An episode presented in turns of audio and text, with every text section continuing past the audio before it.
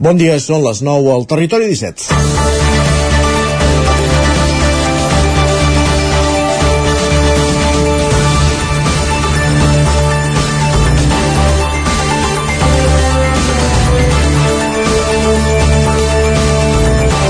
La secretària general d'Esquerra Republicana de Catalunya, la bigatana Marta Rovira, no se sent amb les garanties per tornar a Catalunya, segons va manifestar ahir en una entrevista a rac Tot i que amb la reforma del Codi Penal, l'acusació per desobediència que contempla la darrera ordre de detenció signada per Pablo Llarena pot comportar llibertat provisional, la secretària general d'Esquerra té pendent també una interlocutòria de 2018 de processament per rebel·lió. En aquest escenari, Rovira i els seus assessors consideren que cal ser prudents abans de tornar a casa, ara que farà 5 anys del seu exili a Suïssa. Qui estarà pendent avui de la justícia europea és Lluís Puig i rere seu la resta d'exiliats polítics a Brussel·les, Carles Puigdemont, Toni Comín i Clara Ponsatí. El Tribunal, Superi el Tribunal de Justícia de la Unió Europea, amb seu a Luxemburg, ha de decidir sobre la potestat de Bèlgica per rebutjar l'entrega de Lluís Puig a l'estat espanyol pels delictes de malversació. En cas de donar la raó a Llarena i considerar que no, que Bèlgica no té potestat per valorar la qualitat de la justícia espanyola, com defensa l'advocat general del Tribunal de Luxemburg i donar la raó a les tesis de Llarena sobre un nou escenari judicial per als exiliats a Brussel·les. Tot plegat ho seguirem en aquest gèlid matí de dimarts 31 de gener aquí al Territori 17, el magazín que ara comença la sintonia de Ràdio Cardedeu, on Codinenca, la veu de Sant Joan, Ràdio Vic, el 9 FM i també, ja ho sabeu, a través del 9 TV, Twitch i YouTube. Territori 17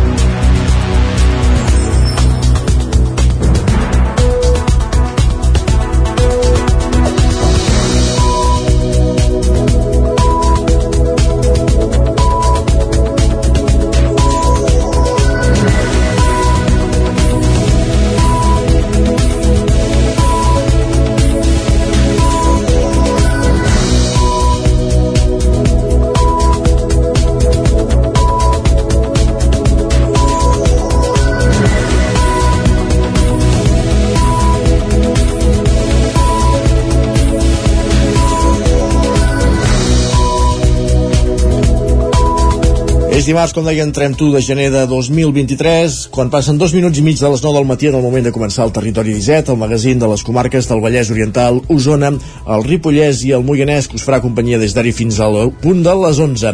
Amb quins continguts? Què tenim preparat pel Territori 17 d'avui? Doncs tot seguit us ho avancem abans d'entrar en matèria. En aquesta primera mitja hora ens dedicarem a aprofundir en les notícies més destacades de les nostres comarques, en connexió amb les diferents emissores del Territori 17, tot seguit un cop d'ull a la previsió del temps de la veu de Pepa Costa des d'Ona Codinenca i un altre cop d'ull, en aquest cas a les portades dels diaris que s'editen avui. Anirem fins al quiosc amb en Sergi Vives. A dos quarts de deu del matí, en punt, viatjarem per la R3 a la tren d'Alba amb l'Isaac Muntades recollint diàriament les cròniques dels oferts usuaris de la nostra línia del tren. A l'entrevista anirem fins a Ràdio Televisió Cardedeu i tot seguit a l'espai de natura que ens acompanya un cop al mes des del Centre d'Estudis dels Rius Mediterranis, avui parlarem d'ocells amb la Laia Jiménez, com dèiem del CERN, del Centre d'Estudis dels Rius Mediterranis, de la Universitat de Vic amb seu al Museu del Terra de Manlleu. Arribarem al punt de les 10, si és el cas en música, l'actualitat de les nostres comarques al punt horari de les 10, la previsió del temps i a l'espai d'economia avui amb en Joan Carles Arredondo intentarem posar matisos a les tesis que els joves que apunten que els joves d'avui viuen els dies. A partir el, el dia a partir d'un informe de comissions obreres que com deia matisa aquesta tesi sobre la situació laboral de, dels més joves eh, avui a casa nostra. A partir de dos quarts d'onze Twitter amb en Guillem Sánchez repassant les piolades més destacades i avui al territori dona amb la Maria López i l'Ester Rovira. Conversarem també amb la doctora en Psicologia i professora de la Universitat de Vic, Carlota Riera, sobre el talent que es perd per l'assetjament al lideratge femení.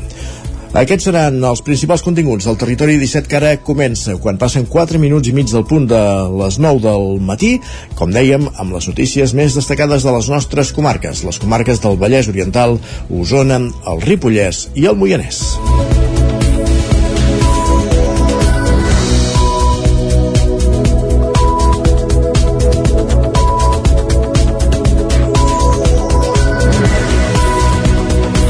El desdoblament de la línia R3 entre Parets del Vallès i la Garriga preveu expropiacions a unes 300 finques. Pol Grau, Ràdio Televisió, Cardedeu.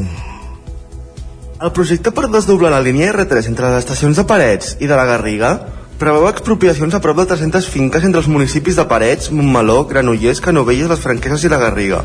Segons detalla la resolució de la Direcció General de Planificació i Avaluació de la xarxa ferroviària, que depèn del Ministeri de Transports, Mobilitat i Agenda Urbana del Govern de l'Estat. La xifra de parcel·les afectades arriba a unes 320 perquè n'inclou algunes que només estan afectades per noves servituds de pas o per ocupacions temporals de superfície durant les obres. Per municipis, les franqueses és qui suma més parcel·les amb expropiacions de terreny, 108 en total. Per darrere queda Granollers amb 95. La resta de municipis tenen xifres força inferiors. Segons les dades publicades, la majoria de les expropiacions de terrenys afecten superfícies petites, per sota dels 100 metres quadrats, i en alguns casos, fins i tot menys de 10. Entre els propietaris afectats hi ha els sis ajuntaments per on passa la línia. Segons fons municipals, en tots els casos són afectacions d'uns metres a patis o jardins que Adif necessita per ampliar les zones de protecció o el mur. En cap cas s'haurà de tirar a terra cap construcció. Gràcies, Pol. Més qüestions, i és que Sant Joan de les Abadesses al Ripollès il·lumina el parc de l'estació i la zona de la Via Verda cap a la colònia Llaudet. Isaac Muntades, la veu de Sant Joan. L'Ajuntament de Sant Joan de les Abadeses va aprovar per unanimitat en el darrer ple dos convenis de col·laboració amb el Consorci de Vies Verdes per posar enllumenat públic a la zona del parc de l'estació, concretament en la pujada al barri i el tram del pont del Roser fins a la Cruïlla amb la carretera d'Ugassa, de la ruta del ferro i del carbó, i també el sector de la Coromina del Bac i el tram de la via ciclista que va fins al pont del Pagès de la colònia Lleudet. Aquest projecte es finança amb fons Next Generation a través d'un pla de sostenibilitat turística. La idea del consistori és que en pocs mesos s'instal·larà l'enllumenat del parc de l'estació i el 2024 està previst fer el de la colònia Lleudet. L'enllumenat del parc tindrà un cost de 59.000 euros amb una subvenció del Pla de Sostenibilitat de 37.000 i un cofinançament del consistori de 45.000 euros. L'alcalde Ramon Roquer va detallar la importància de tenir aquestes zones il·luminades. I en aquest cas aquí el que es finançarà és l'enllumenat de la via verda que ens arriba al parc de l'estació, com també la via verda que ens va de Sant Joan a Lleudet. Són dos trams que nosaltres hem considerat important eh, il·luminar, perquè realment són trams que en fa molt, molt d'ús a la gent del municipi, del poble, ja sigui per fer esport, jo ja sigui doncs, per, per caminar, eh, a part de, evidentment, l'atractiu que són aquestes vies verdes també per la gent de fora, com totes les vies verdes. No? S'ha parlat de, de la reivindicació des de fa anys que de veïns, sobretot al parc de l'estació, venien demanar aquesta millora de, de l'enllumenat. Nosaltres, de fet, vam redactar ja el projecte, si no m'equivoco, el 2017, per tant ja fèiem feia anys, però no acabàvem de trobar el finançament per poder-lo dur a terme. En el cas de la zona de Lleudet, la inversió pujarà fins als 93.000 euros, dels quals n'hi haurà 57.000 que vindran subvencionats i el consistori ho cofinançarà amb 71.000 euros. El regidor d'Esquerra Republicana, Sergi Albric, va celebrar la notícia perquè era una reivindicació històrica, ja que creien que el parc portava molts anys a les fosques i es percebia una falta de seguretat. El Bric va aprofitar el punt per reiterar una petició. L'altra de, de fet petició no? que tenien els veïns del parc de l'estació és que doncs, moltes vegades es troben doncs, amb excrements doncs, humans doncs, a, a l'entorn del barri, per tant nosaltres demanàvem que es col·loquessin uns, uh, uns lavabos públics en aquest espai. Sembla ser doncs, que hi ha aquest acord amb Xenescat doncs, perquè això sigui una realitat. El que demanem és que l'Ajuntament estigui a sobre doncs, perquè aquests acords es compleixin i que per tant més aviat que tard, per tant eh, abans que comenci a bon temps, doncs aquests lavabos puguin ser una realitat perquè també és una, evidentment és una actuació que va tard. L'alcalde va aclarir que hi ha un acord amb Xenescat, que és qui gestiona l'alberg, perquè es construeixin uns lavabos públics a la zona de l'antic dipòsit durant aquest 2023, ja que els hi van imposar aquesta condició a l'hora de fer la concessió. Gràcies, Isaac. Més qüestions?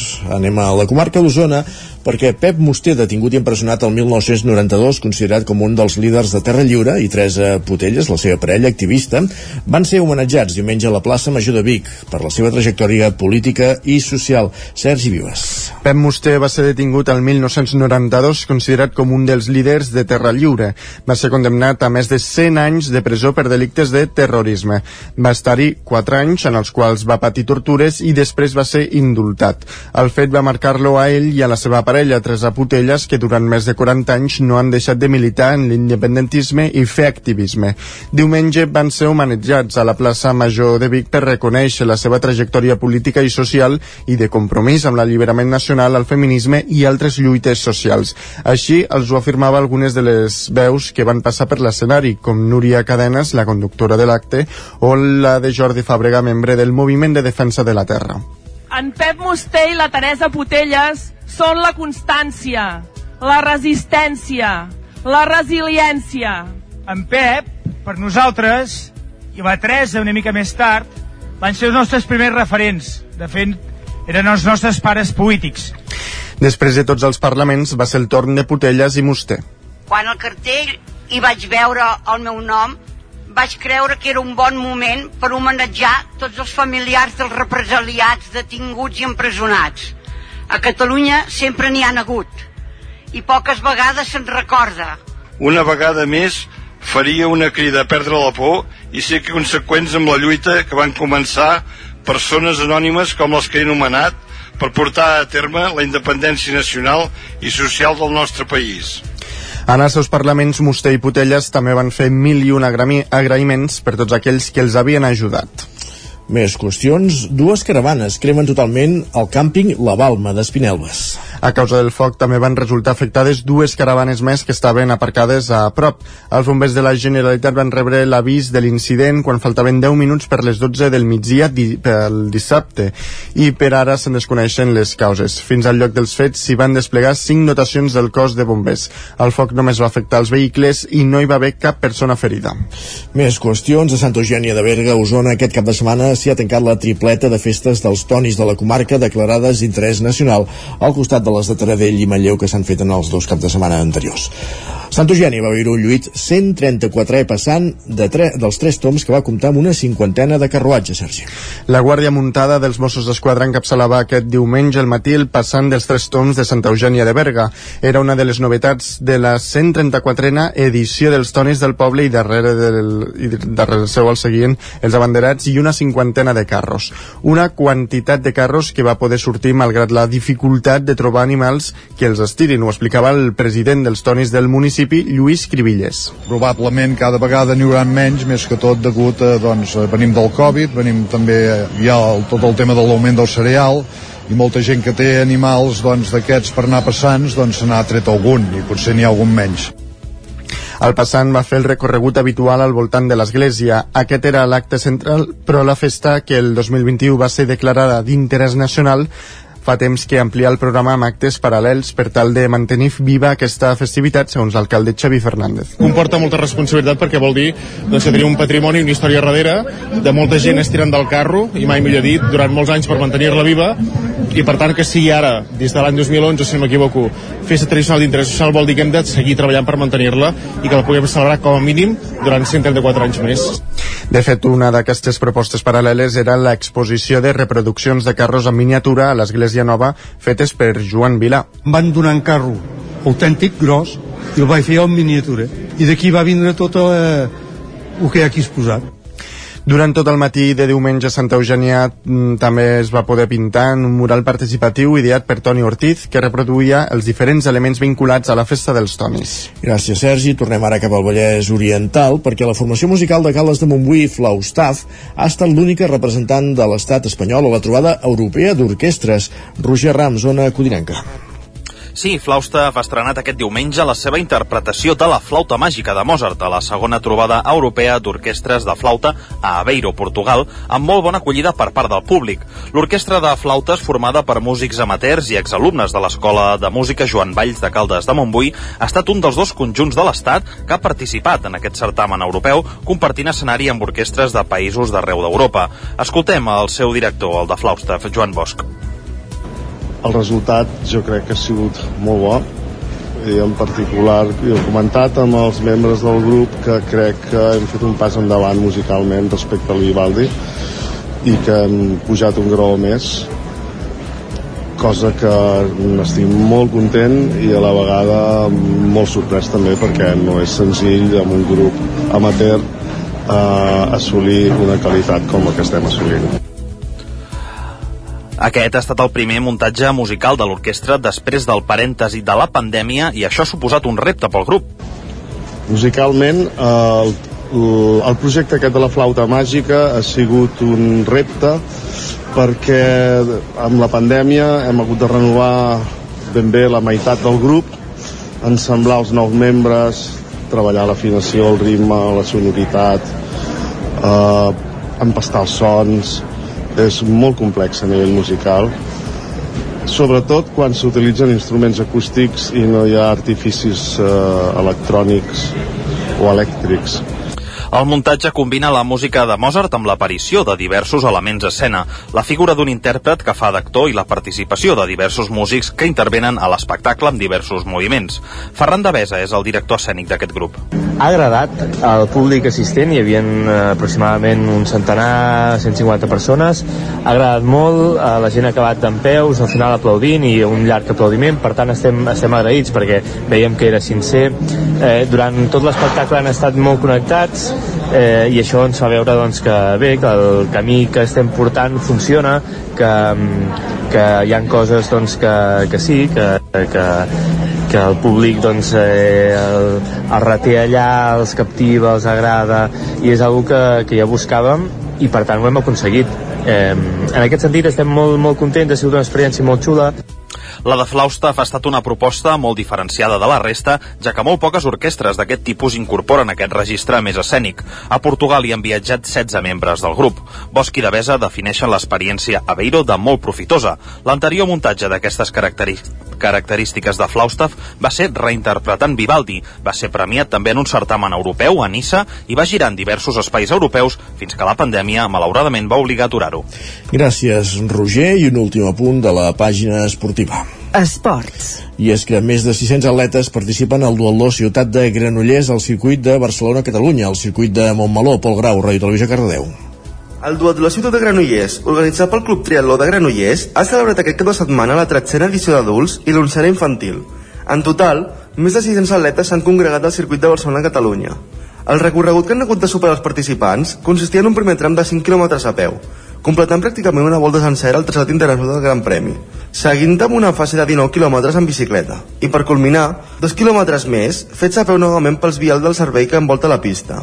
En la categoria masculina, Daniel Álvarez està l'encarregat d'impulsar-se amb el seu millor temps de 51 minuts, seguit per Nano Oliveras i Arnau Turon. Eva Ledesma ha estat la millor de les dones, obtenint un registre de 59 minuts i 10 segons. Sofia Guayo i Meritxell Velasco han estat la segona i la tercera classificada respectivament. La cursa infantil va acaparar totes les mirades després de la culminació de la prova d'adults, amb un recorregut adaptat. La prova es va dividir entre la categoria infantil, cadet i juvenil d'una banda i prebenjamins benjamins alevins per una altra, amb una gran macedònia de premiats. Gràcies, Pol. Aquí acabem aquest repàs informatiu que començàvem al punt de les 9 en companyia de Pol Grau, Sergi Vives, Roger Rams i Isaac Muntades. Moment al territori 17 de saludar també en Pep Acosta. I qui és en Pep Acosta? Home, el nostre home del temps. Casa Terradellos us ofereix el temps. I és que volem saber, Pep, ahir ens avançaves que entràvem en un anticicló, quan durarà aquest anticicló i quina evolució faran les temperatures que es mantenen gèlides, si més no les matinades i els matins. Pep, bon dia. Hola, molt bon dia. Com estàs? Benvinguts a l'Espai del Temps. Benvinguts. Aquí estem un dia més amb tots vosaltres i un dia més hem de parlar d'aquesta estabilitat, d'aquest anticicló, que serà el protagonista meteorològic dels pròxims dies i m'atre- m'atreveixo a dir setmanes perquè no es veu la llum al final del túnel no es veuen les puges no es veu eh, cap canvi meteorològic a curt ni mig termini. Situació molt, molt greu molt, molt crítica la que estem eh, vivint. Eh, les temperatures mínimes han pujat una mica. Aquesta serà la tònica de tota la setmana les glaçades mica en mica seran menys intenses i menys extenses. Eh, L'anticicló serà l'amo i senyor de la situació i farà que la temperatura vagi pujant. Eh, hi ha més hores de sol, eh, vaja, en definitiva, que la temperatura mica en mica anirà pujant. Uh, avui ja ho notarem, sobretot al migdia. Al migdia uh, s'hi estarà força més bé que ahir, ahir, ahir que va ser un dia fred, d'onada de fred, i avui ja sí que es dona per acabada aquesta onada de fred, uh, moltes temperatures al migdia, entre els 12 i els 16 graus, eh? Uh, feia dies que no passàvem dels 15 graus, avui hi ha bastantes poblacions del prelitoral superaran els 15 graus, per unes temperatures força, força agradables al migdia. Encara hi ha una mica de tramuntana a les zones altes del Pirineu i de la transversal i del prelitoral, i això ben aviat s'acabarà també aquesta injecció de tramuntana. A destacar també la inversió tèrmica que hi ha aquesta, a primeres hores del matí.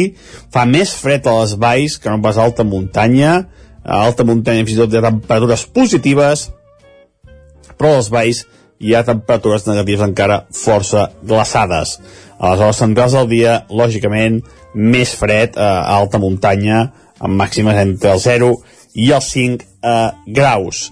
Alguna boira, eh, que mica en mica serà més intensa, eh, però no, no, no creiem que siguin boires eh, molt duradores ni molt persistents aquesta setmana. Veurem què va passant, però no crec que li a, passar això.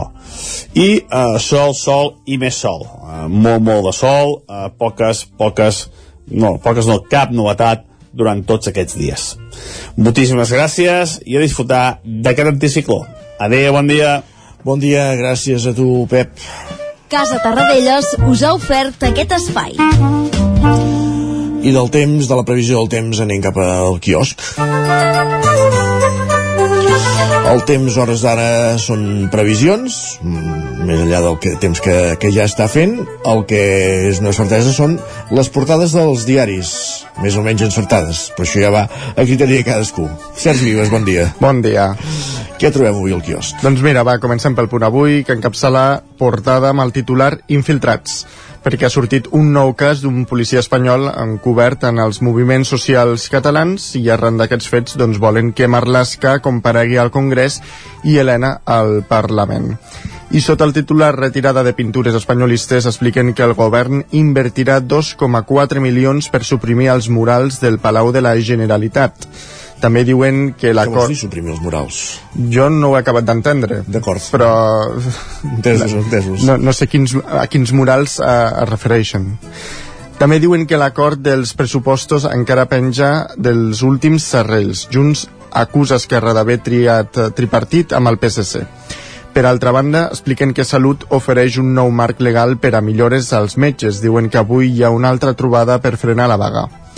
El periòdico diu que els canvis de vivenda es tripliquen a l'àrea de Barcelona, expliquen que un 28% de la població de la regi regió metropolitana ha viscut una mudança en el període de 2017 a 2022. Apunten que un de quatre trasllats obeix a motius econòmics.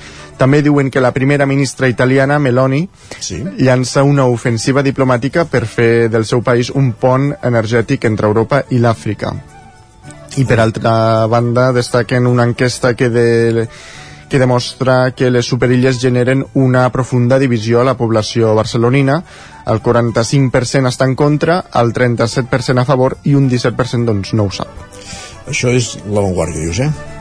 Com? Quin diari era aquest, La Vanguardia? El periòdic. El periòdic. El periòdic. Ara, ara anem a La Vanguardia. Doncs va, anem -hi. Diu que Sánchez insta a endurir les penes per agressió sexual malgrat Podem. Expliquen que hi ha una tensió entre els socis per l'ordre taxativa del president de reformar la llei del només sí és sí i la resistència de la ministra Irene Montero. També diuen que el sector audiovisual se cita a Barcelona, expliquen que la principal fira audiovisual del món, l'ICE, obre avui a Barcelona on es preveu que vinguin 52.000 professionals, principalment d'Europa. Uh -huh. També destaquen que l'entitat de l'enviat de Biden exigeix a israelians i palestins que rebaixin la tensió. Molt bé. Lara destaca aquest xoc frontal entre el PSOE i Podem per la llei del només sí és sí. Expliquen que Sánchez pressiona per endurir les penes i Montero només accepta a contracor augmentar les mínimes. També diuen que el preu de l'energia baixa, però que els dels aliments repunta tot i les mesures anticrisi. També expliquen que Catalunya assajarà el curs que ve un MIR per a mestres i professors. Per altra banda, diuen que Joel Díaz plega i força TV3 a suspendre l'emissió del Zona Franca i com a punt esportiu expliquen que el Barça posa més difícil als socis cedir l'abonament déu nhi eh? l'evolució del programa Zona Franca va començar sí. a l'inici de la temporada del setembre i ja, ja ha arribat a Nadal i a veure, ja a veure si continua finals de gener, exacte més qüestions, ja recordem que tot ve arran de, de la destitució d'un col·laborador, arran d'un gag on, on apareixia el PSC i una esbàstica van primer destituir el col·laborador i acte seguit va presentar l'emissió el presentador del programa, en Joel Díaz. I el col·laborador era el seu company de la sotana, Manel Vidal. Més qüestions, va. Doncs anem cap a Madrid. El país diu que la reforma del només sí és sí obre una fissura en la coalició. Expliquen que el PSOE està disposat a tramitar la iniciativa sense acord amb Unides Podem. El Ministeri d'Igualtat accepta que s'elevin les penes però rebutja la proposta que fa justícia també destaquen un desallotjament massiu de xabolistes a Almeria. Es tracta del poblat de El Walili, on s'havien instal·lat 450 persones que treballaven a la zona. I de fet han posat una fotografia bastant impactant és una dona corrent amb les seves pertinences mentre el seu darrere cremen aquest tipus de cases. déu nhi també expliquen que hi ha hagut una repressió sagnant per erradicar la coca a Colòmbia. Diuen que l'exèrcit va fustigar No, agricultors... no estem parlant de la coca de Forner, eh? No, no, no, no. La coca... El... Aquesta val més no erradicar-la. doncs diuen que l'exèrcit va fustigar agricultors i periodistes i va cometre tres assassinats. L'ABC diu que Sánchez eh, repara el només sí és sí després de beneficiar 300 agressors. Expliquen que el PSOE eh, vol fer una proposició de llei per enfortir les penes i fregar el desgast electoral al fracassar les negociacions amb Irene Montero que de fet eh, és qui protagonitza la foto de la portada, que és l'única notícia que destaca avui l'ABC. El Mundo diu que Sánchez canvia sense Montero la llei després d'afavorir a 338 agressors. La modificació, expliquen, no frenarà les revisions, però sí que impedirà rebaixes en noves condemnes. També destaquen que Feijo deixa en mans d'Ayuso la decisió d'incorporar a Vilacís, de Ciutadans, al Partit Popular. També expliquen que la ponència de l'avortament del Tribunal Constitucional avala la llei de, de terminis, però demana informar millor a les dones. I la Razón diu que la llei del sí a sí activa la pinça de Sánchez de Díaz contra Montero. Segons el diari, l'objectiu conjunt és utilitzar la polèmica norma per desgastar a Podemos. Seguint aquest, eh, amb aquest tema, destaquen unes declaracions de Feijó dient que és inacceptable que el govern continuï dividit en temes que causen tant dolor a la societat. I també expliquen que l'Institut Nacional d'Estadística canvia el càlcul de l'IPC en plena crisi de preus rebaixa el, pe el, el, peu, el, preu del men el pes del menjar i el lloguer i afegeix el mercat lliure d'energia. Doncs ràpidament repassem digitals. Osona, el Ripollès, que Pime cobra a Mollà una oficina per promoure la digitalització del comerç. I el Vallès Oriental? Doncs que el desdoblament de la línia R3 entre Parets i la Garriga preveu expropiacions a unes 300 finques. Ho hem explicat a les notícies a les 9. Fem una petita pausa i tornem aquí, al territori de 17, 3 minuts. El 9 FM, la ràdio de casa, al 92.8. Al forn de pa i pastisseria Glina hi trobareu una gran varietat de pans de producció pròpia amb farina de blat i de molts altres tipus, tots elaborats al nostre obrador. També us oferim tortells, braços de gitano, coques, brioixeria i pastes seques i pastissos personalitzats. I ara també ens trobareu al Mercat Municipal de Torelló. Forn de pa i pastisseria Glina, carrer Major número 9 de Sant Vicenç de Torelló i Mercat Municipal de Torelló. Has esperat que arribi el fred per comprovar si et funciona bé la caldera? No pateixis, a Casa Jové som especialistes en manteniment, reparació i revisió d'equips d'aigua calenta i calefacció, tant en l'ambient domèstic com industrial. Si tens una avaria, no ho dubtis. Som Casa Jové. Ens trobaràs al carrer Girona, número 9 de Vic, i al telèfon 93 886 1596. Casa Jové, el teu servei tècnic de confiança. 25 anys del cau de bruixes de Centelles. Des del 31 de gener fins al 5 de febrer torna una festa per a tots els públics que gira al voltant de la tradició de les bruixes de Centelles. Hi trobaràs jocs de taula, conferències i xerrades, exposicions, sopar embruixat o rutes guiades. No hi faltarà el mercat màgic amb tarot, cartes astrals, bruixes i artesania, ni tampoc el retorn de la Pairona, el passatge interactiu que trobaràs al pavelló. Vine a descobrir qui és la nova bruixa de l'any al cau de bruixes de Centelles. Més informació a centelles.cat barra cau de bruixes. No t'ho creuràs. M'ha trucat el servei tècnic oficial de Saunier Duval perquè han detectat a distància que li falta aigua a la caldera. Era a casa i no me n'havia adonat. I què has fet? Res, perquè el meu servei de manteniment Mi Saunier Duval Connect m'ha donat una solució en qüestió de minuts. Informeu-vos a connectivitat.saunierduval.es. Saunier Duval, sempre al seu costat. Bon dia, són les 9 al Territori 17. La Miquel Parella. Cada matí i durant dues hores t'acompanyem i et posem al dia de l'actualitat de casa nostra. Potenciant així l'autonomia En aquest cas me la peça el taler si no... Cursos per feminitzar el pensament masculí. Territori 17, el magazín matinal d'Osona, el Moianès, el Ripollès i el Vallès Oriental. Que la meva àvia de 93 el anys... 9 FM, el 9 TV, el 99.cat i també els nostres canals de Twitch i YouTube. Demà per fer-se un tatuatge. Cada matí, Territori 17. Olé. Cocodril Club. Si t'agrada la bona música dels anys 60, 70 i 80, escolta el 9 FM als matins de dissabtes i diumenges d'11 a 1. És el temps del Cocodril Club, tot un clàssic de la ràdio, amb les bases del pop-rock, les llegendes, les cançons que s'han convertit en autèntics himnes. Recorda, dissabtes i diumenges al matí, d'11 a 1, al 9 FM 92.8. Cocodril Club, el programa revival de l'Albert Malla. Hasta luego, cocodrilo. El 9 FM, el 9 FM, el 9 FM, el 9 FM. En punt, dos quarts de deu al territori 17.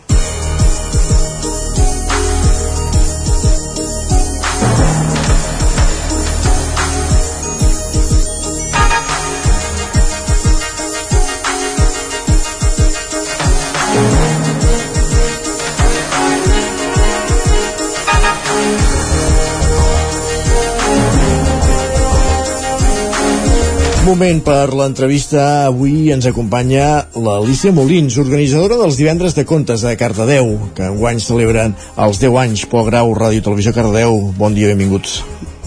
Bon dia, doncs sí, avui tenim nosaltres l'Alicia Molins que porta els cicles de divendres de contes on els divendres parlem de la programació que toca el dia on divendres van començar amb el cicle de primer divendres de, divendres de contes a la Textil Rase Bon dia, Alicia. Ja, és Molina, eh? Molina. Molina. Alicia Molina. Perdoneu, sí. Perdona. eh, primer de tot, com, com va anar el primer divendres de contes a la nova sala Textil Rase? Què, què vau explicar? Doncs va anar molt bé, va ser tot un èxit. La veritat és que vam fer un ple rodó perquè va venir moltíssima gent, gent que ja tenim fidelitzada, el públic que acostuma a venir cada mes als divendres de contes, més altres persones que no havien vingut, molts segurament perquè també volien conèixer l'espai, així que va ser genial. I vam fer l'estrena també nosaltres, quan dic nosaltres vull dir l'Òscar Igual, que m'acompanya al piano i que fa molts anys que treballem junts i vam fer l'estrena d'una sessió de contes que es diu Històries del Terrat. Mm -hmm. Molt bé. Um, com va començar la idea de fer aquests divendres de comptes ara fa 10 anys, com dèiem, i d'on sorgeix aquesta iniciativa? Doncs sorgeix fa més de 10 anys. La veritat que com a títol de divendres de contes és aquest, però fa molts més anys, cap al 2005, quan el Pla de la Calma, al bar, el portaven la Maria i la Judit Covenya, gran, impulsores de moltíssimes activitats també a Cardedeu i altres llocs doncs parlant, parlant, dèiem de, de, de poder fer també sessions de contes per nens i per adults. I allò es va convertir durant un temps, una temporada podríem dir, com en el meu laboratori personal. O sigui, nosaltres ens deixaven la part dalt, dalt del pla i allà cada mes doncs fèiem amb un altre músic en aquell cas doncs fèiem sessions per, de contes per adults. Després eh, allò va, va deixar-se de fer el pla va passar a unes altres mans i quan el Dani va tornar a posar en marxa tot el que seria el bar, tal com ara el coneixem, doncs també em va parlar de, mira, aquí havia fet jo activitats, què et sembla si ho poguéssim engegar? I així va ser.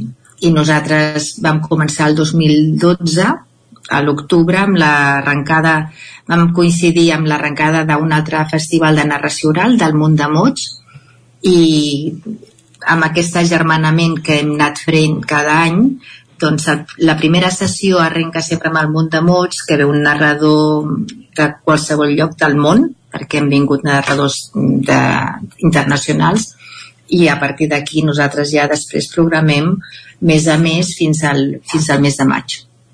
I aquest va ser l'inici. Com Has dit, divendres vas, vas narrar tu la història del Terrat aquest, aquest divendres, però venen altres narradors, has dit també com, com organitzeu qui ve, com els divendres de, contes? Doncs sí, nosaltres bueno, en, fem una mica tots els papers de l'AUCA. En aquest cas, l'organització doncs, la portem des de l'associació Cardemots i a partir de que, de que és disponible durant la temporada de, d'octubre a maig, tenint en compte que l'octubre sempre és el narrador que es contracta per al Festival Munt de Mots, doncs els altres doncs, són els narradors professionals que tenim a, la zona o que passen per aquí. També a vegades aprofitem un narrador de Madrid o un narrador del País Basc que justament està aquí i està buscant per fer funcions i el podem aprofitar.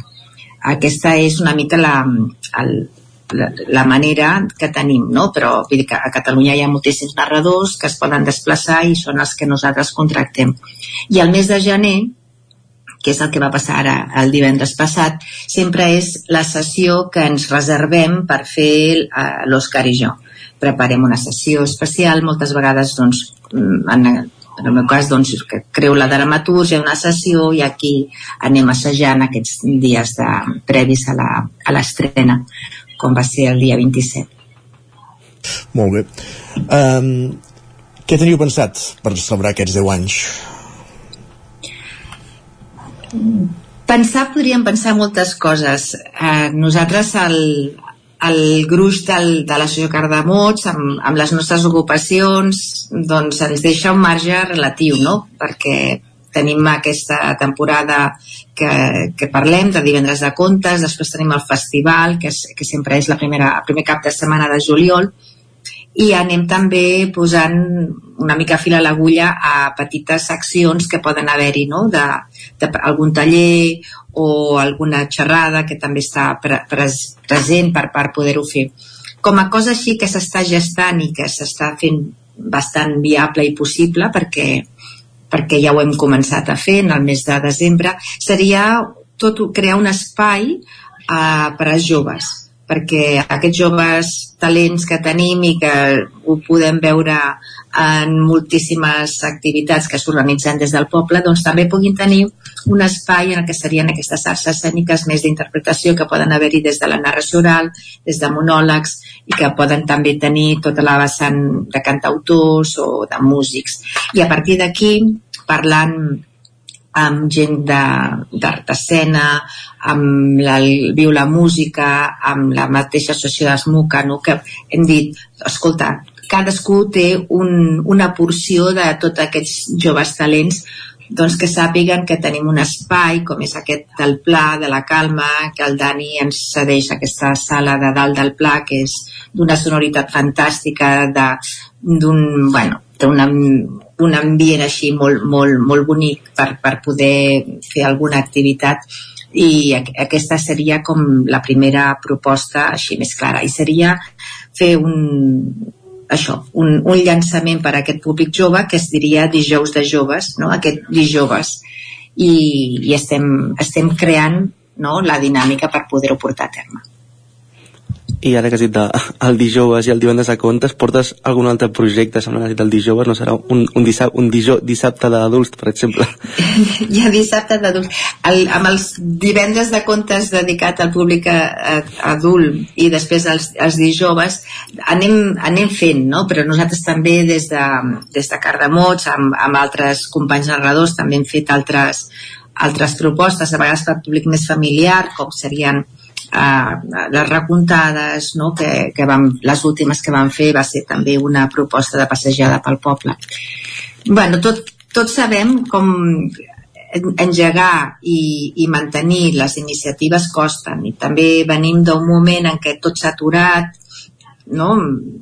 encara que sembli que fa molt, no? però aquesta, aquesta pandèmia ha, ha trencat moltes, moltes inèrcies i, i ara estem tots engegant, no? Amb, a vegades amb una mica com desbocats, que tenim ganes de fer moltes coses, però, però bueno, eh, posant fil a l'agulla, doncs aquí estem. Aquí estem amb aquesta estrena d'aquest espai de la Tèxtil Race o de la Fàbrica de Cultura que, que és un espai fantàstic, esperem anar-lo vestint no? entre tots i omplint no? que, que es vagi no? que vagi agafant aquesta vida que, que necessita Realment suposo que ha estat un punt d'inflexió important, no?, disposar d'aquest nou espai? Sí, per nosaltres és com formar part d'una cosa que a vegades doncs no és el mateix programa en un bar, tot i que a mi m'encanta. Eh? Jo, el, el Pla de la Calma, aquesta, aquesta cosa més underground, no? d'estar de, allà i, i estar tots enxugats com en moments, no? ens hem trobat amb, 40 persones en allà i, i, i jo, jo he explicat contes que tenia persones assegudes als meus peus literalment i això m'agrada molt però sí que és veritat que tenir un espai en què públicament eh, pot tenir ja un, una mirada com preparar, de preparació tècnica i, i de disponibilitat més així com oficial d'un espai escènic doncs li dona tot això una envergadura diferent i, i això és el que després d'aquests 10 anys doncs, ho hem rebut com un, com un regal no?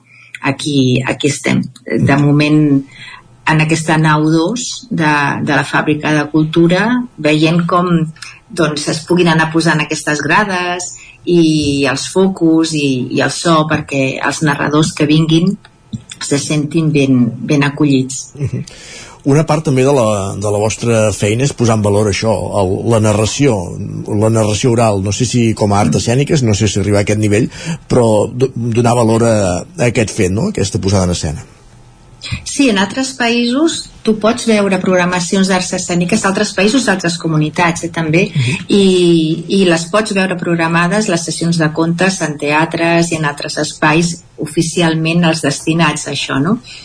però a vegades costa encara després de tants anys Cardedeu és, és com un lloc diferent tots els narradors que venen se senten que hi ha una escolta i, un, i, una, i una coneixença d'aquesta art, art escènica com diferent però encara hi ha molts llocs i molta gent que això d'explicar contes està molt associat a un públic infantil i que això d'explicar contes per adults és com què m'estàs explicant no? Uh -huh. I, i va per aquí eh? aquest donar-li un espai com, com art escènica doncs tots tenim clar que és el teatre o que, són, que és la dansa o qualsevol altre tipus de, de performance, no? però en el cas de la, de, de la narració oral és com que queda com, com, és com la germaneta petita i, i no gaire visibilitzada. Llavors és important, és important que, que puguem omplir també teatres. A Cardedeu ho vam fer, nosaltres mateixos, l'Òscar i jo vam fer el, el, el que seria una sessió de contes que era cartes robades i, i vam omplir i, i amb tot el que requereix una, un espectacle d'art escènica com, com la narració oral, que, que no hi ha quarta paret, que hi ha una necessitat d'estar com més a prop de, del públic, ho vam aconseguir això. Eh, divendres vau, vas fer les històries al Terrat, que, que, mm -hmm. que, que, que, si es pot explicar, què vau explicar, com... què vau fer? És una sessió que jo vaig crear a la dramatúrgia, com, bueno, com les altres sessions, en què hi ha històries eh, que apareixen des de la mirada de, del que seria el Terrat, un barri. En aquest cas era del barri on jo em vaig criar, el barri d'Artigas de Badalona. Llavors té, tenia tres veus narratives. Per una banda, les històries, que jo com a narrador explicava, després hi havia la veu, una, la, la veu del Terrat com a, com a personatge, no? que podia haver-hi aquí uns textos poètics de Gabriel Ferreter i de César Pavese, no? i després també hi havia tota la banda sonora. Eh, bueno, pensant en terrats gloriosos, doncs eh, el, el de, els Beatles i el concert que van fer, l'últim concert que van fer, doncs era com una invitació a poder posar veu a, també als Beatles i portar-los en, en aquest terrat. Llavors una altra part de, de, del que s'explicava de les històries era el que cantava les cançons. Llavors vaig fer les lletres de, de quatre cançons de, dels Beatles i a més a més tota la banda sonora eh, l'Òscar va anar buscant en quins moments ell podia anar tocant, a part d'aquestes cançons en què m'acompanyava i jo cantava, ell va anar buscant altres, mm, altres temes dels Beatles per anar acompanyant en tot moment com a fil narratiu totes les, les, les històries que s'explicaven dels diferents personatges. I, bueno, va ser una, un, una, una posada aquí en escena de, de molts reptes i, i que vam quedar molt, molt satisfets tots. A més a més vam fer tota una part d'escenografia en què vam voler portar al terrat, no? teníem roba estesa, tot, o sigui, tot l'imaginari que porta un terrat doncs ens els imaginem així als terrats, no? amb aquella roba estesa que tots hem pujat i, i, hem, i hem tret en algun moment, també o totes les banderoles de, de les rebelles que, que també servien i han servit i serveixen per fer celebracions. No? Doncs tot Tota això vam, vam transformar-ho. al terrat de casa escoltant les històries. Uh -huh. Això mateix, sí, sí, sí, estàvem allà. Molt bé. Alicia Molina, gràcies per explicar-nos aquesta iniciativa dels divendres de, de contes i per molts anys més. Fa 10 anys que porta aquest nom, però molts, molts més, com ens deies, que, que hi esteu treballant i que, que en siguin molts més. Moltíssimes gràcies per acompanyar-nos aquí, avui aquí al Territori 17 i fins aviat. Moltes gràcies. El dia 24 tornem a ser-hi, o sigui que esteu tots convidats amb una narradora imperdible que és la Sandra Rossi. Doncs en prenem nota. Gràcies també, Pol, per acompanyar-nos. A tu, bon dia. Bon dia. Bon dia.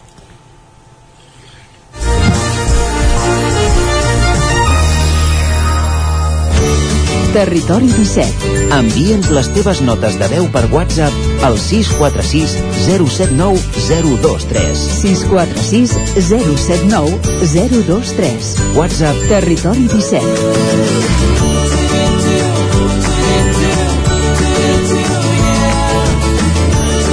Territori 17.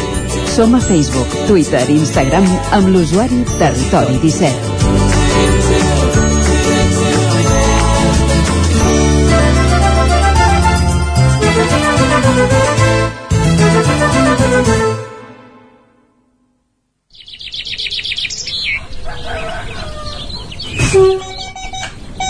A Tren d'Alba. Cada dia els usuaris i usuàries de la línia R3 de Rodalies que veuen sortir el sol des d'un vagó ens expliquen les gràcies i les penes del primer comboi que uneix Ripoll i Barcelona o les feixugues jornades amb el tren després de treballar.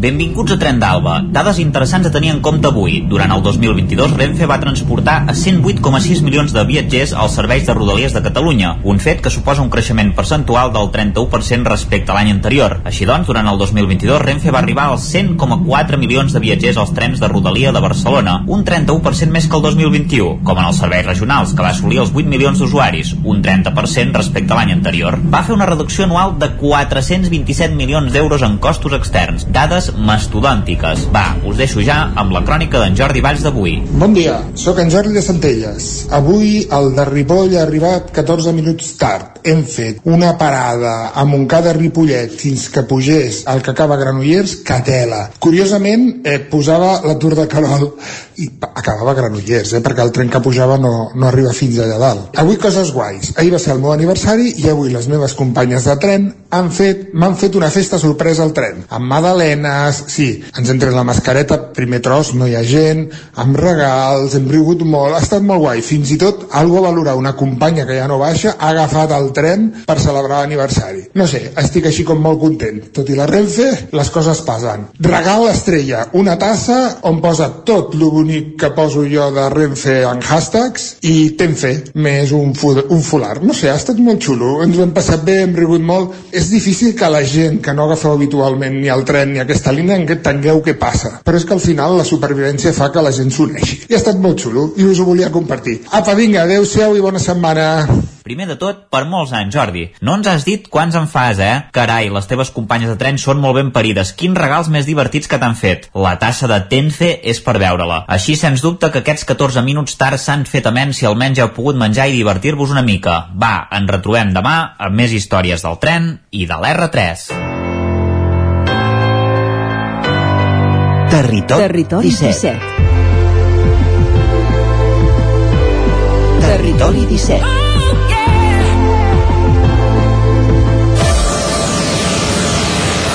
12 minuts i seran les 10 del matí.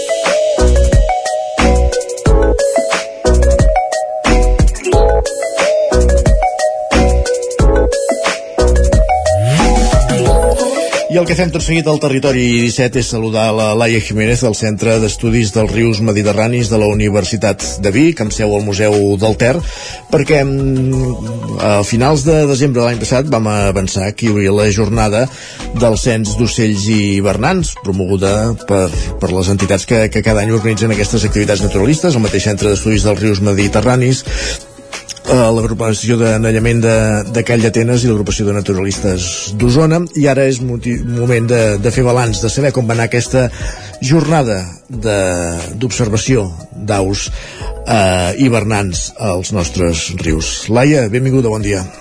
Hola, bon dia. Això, fa unes setmanes es va fer aquesta jornada a peu de riu, per entendre'ns, d'observació d'ocells. No sé si vau... Bueno, que, es van observar molts ocells, entenem que, que sí, però alguna espècie que destaqui, que destaqueu per, per, per anòmala, diguéssim, o que us hagi sorprès per algun motiu? Doncs sí, bueno, encara a falta d'acabar de recopilar totes les dades de tots els grups, sí que hi ha alguna cita que és interessant. Uh, aquí a Manlleu es va veure una gamba verda, uh -huh.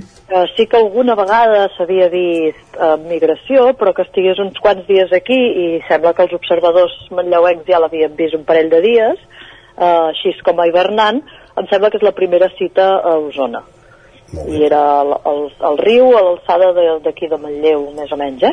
Sí. I aquesta és una curiositat interessant que haurem de destacar en el resum. Molt bé.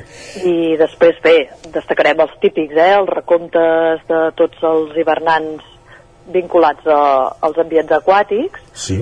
I després també hi afegirem, suposo, una dada que no és, no és un ocell estrictament aquàtic, però per les condicions d'aquest any es va veure un pèl a roques els trams de, amb un tram de la cua del pantà de Sau. Uh -huh. Tots aquells penya-segats que normalment estan inundats d'aigua perquè quan el pantà està ple tot allò queda submergit, eh, ara permet que hi apareguin espècies com aquesta que no és gens típica d'aquest lloc. D'acord. Uh, pels profans, pels que no estan, estem habituats a, al món dels ocells, què és una gamba verda, com és aquest ocell i quines són les que, seves característiques, per què és anòmal que sigui aquí o on és més habitual? Uh, una gamba verda és un limícola. Un limícola són uns ocells així d'aspecte general, amb les cames força llargues i amb el bec molt prim, que viuen i s'alimenten a zones humides amb fang i així, i és molt típic, per exemple, de veure el, els aiguamolls, ja sigui els aiguamolls de l'Empordà o el Delta de l'Ebre, a zones una mica més temperades, no tant eh, cap aquí a l'interior. No, no, no és habitual aquí, és molt més típic del Delta de l'Ebre o de llocs així.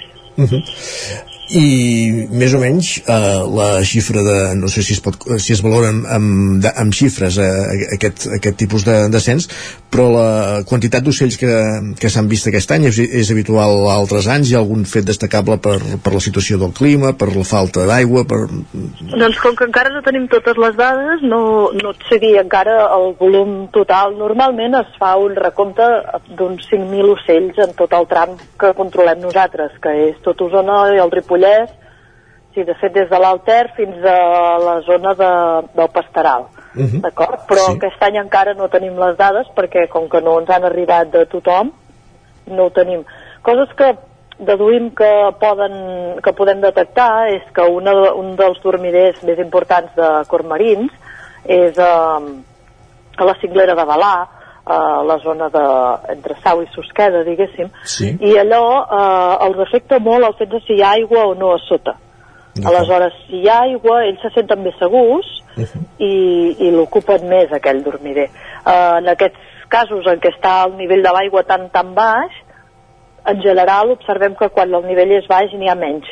Fa falta veure si això es compensa, que aquests ocells els trobem en altres dormiders o fan servir dormiders que no tenim controlats i que per tant se'ns escapen en els recomptes. Això ho haurem de veure amb el balanç global. Uh, ara volia demanar per una escena uh, en certa manera habitual aquests dies que passejant per, passant per les carreteres de, de la comarca on, on el riu queda a uns metres de distància, 500 metres, un quilòmetre, de vegades podem observar ocells eh, aquàtics, pot, com pot ser un, un agró blanc o espècies per, per l'estil, que estan eh, als camps, diguéssim. Eh, hi ha moments que fugen de l'aigua. Quina és la, la, la la, la manera de fer d'aquests ocells no? perquè a vegades s'acostin a aquests punts més això, que, que, Ah, que els veiem fora del alguns- riu per entendre'ns Sí, alguns són molt típics de veure, per exemple, els bernats pescaires és molt típics de veure'ls als camps. uh -huh. Uh, jo ara no sabia dir si se'n veuen més ara a l'hivern o en una altra època, als camps, però és molt freqüent veure'ls als camps i mengen des de cucs fins a talpons o animalons d'aquests que troben. Uh, podria ser, ara això ho dic sense tenir un estudi que ho sàpiga, eh, però podria ser que com que en aquest temps amb el fred els peixos també estan molt més quiets i molt més refugiats, uh, se'n vagin a menjar fora de l'aigua perquè els sigui més fàcil. Però jo aquests dies també n'he vist, eh? Bernats és molt freqüent veure els bernats pescaire, també agrons, però el bernat pescaire és molt típic de veure'l als camps, i cap al Ripollès també se'n veuen forces als camps. Mm -hmm.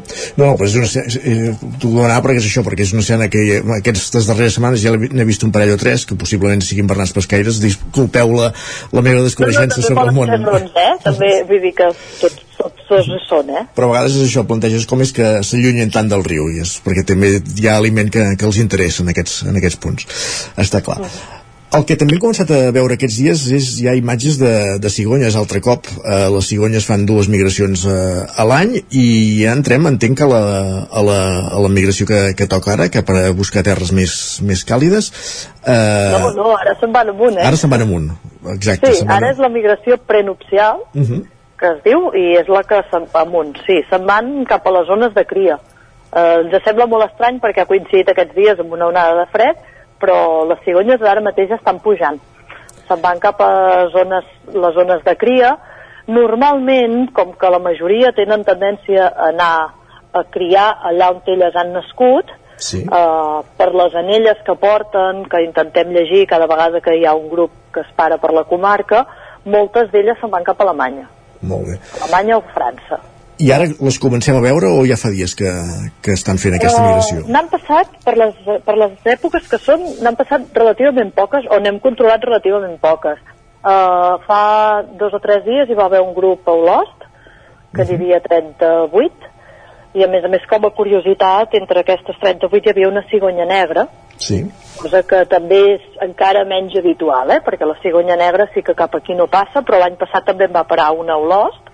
Les cigonyes blanques són les, les típiques i és la que és més freqüent de veure, però la negra és molt poc habitual, no podem saber si és la mateixa de l'any passat perquè no portaven ella.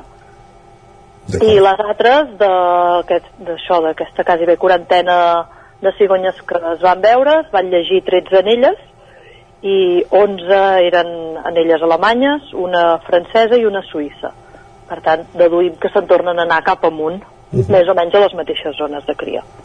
I els, els períodes de, de moviment de les cigonyes són aquests, eh? A l'estiu, que és quan van cap a terra més càlida, com deia abans, i ara que tornen, que, que fan la prenupcial, que tornen cap a la zona de, de cria. Són aquests els dos principals moviments que Sí, fan, eh? sí la, zona, la, la típica...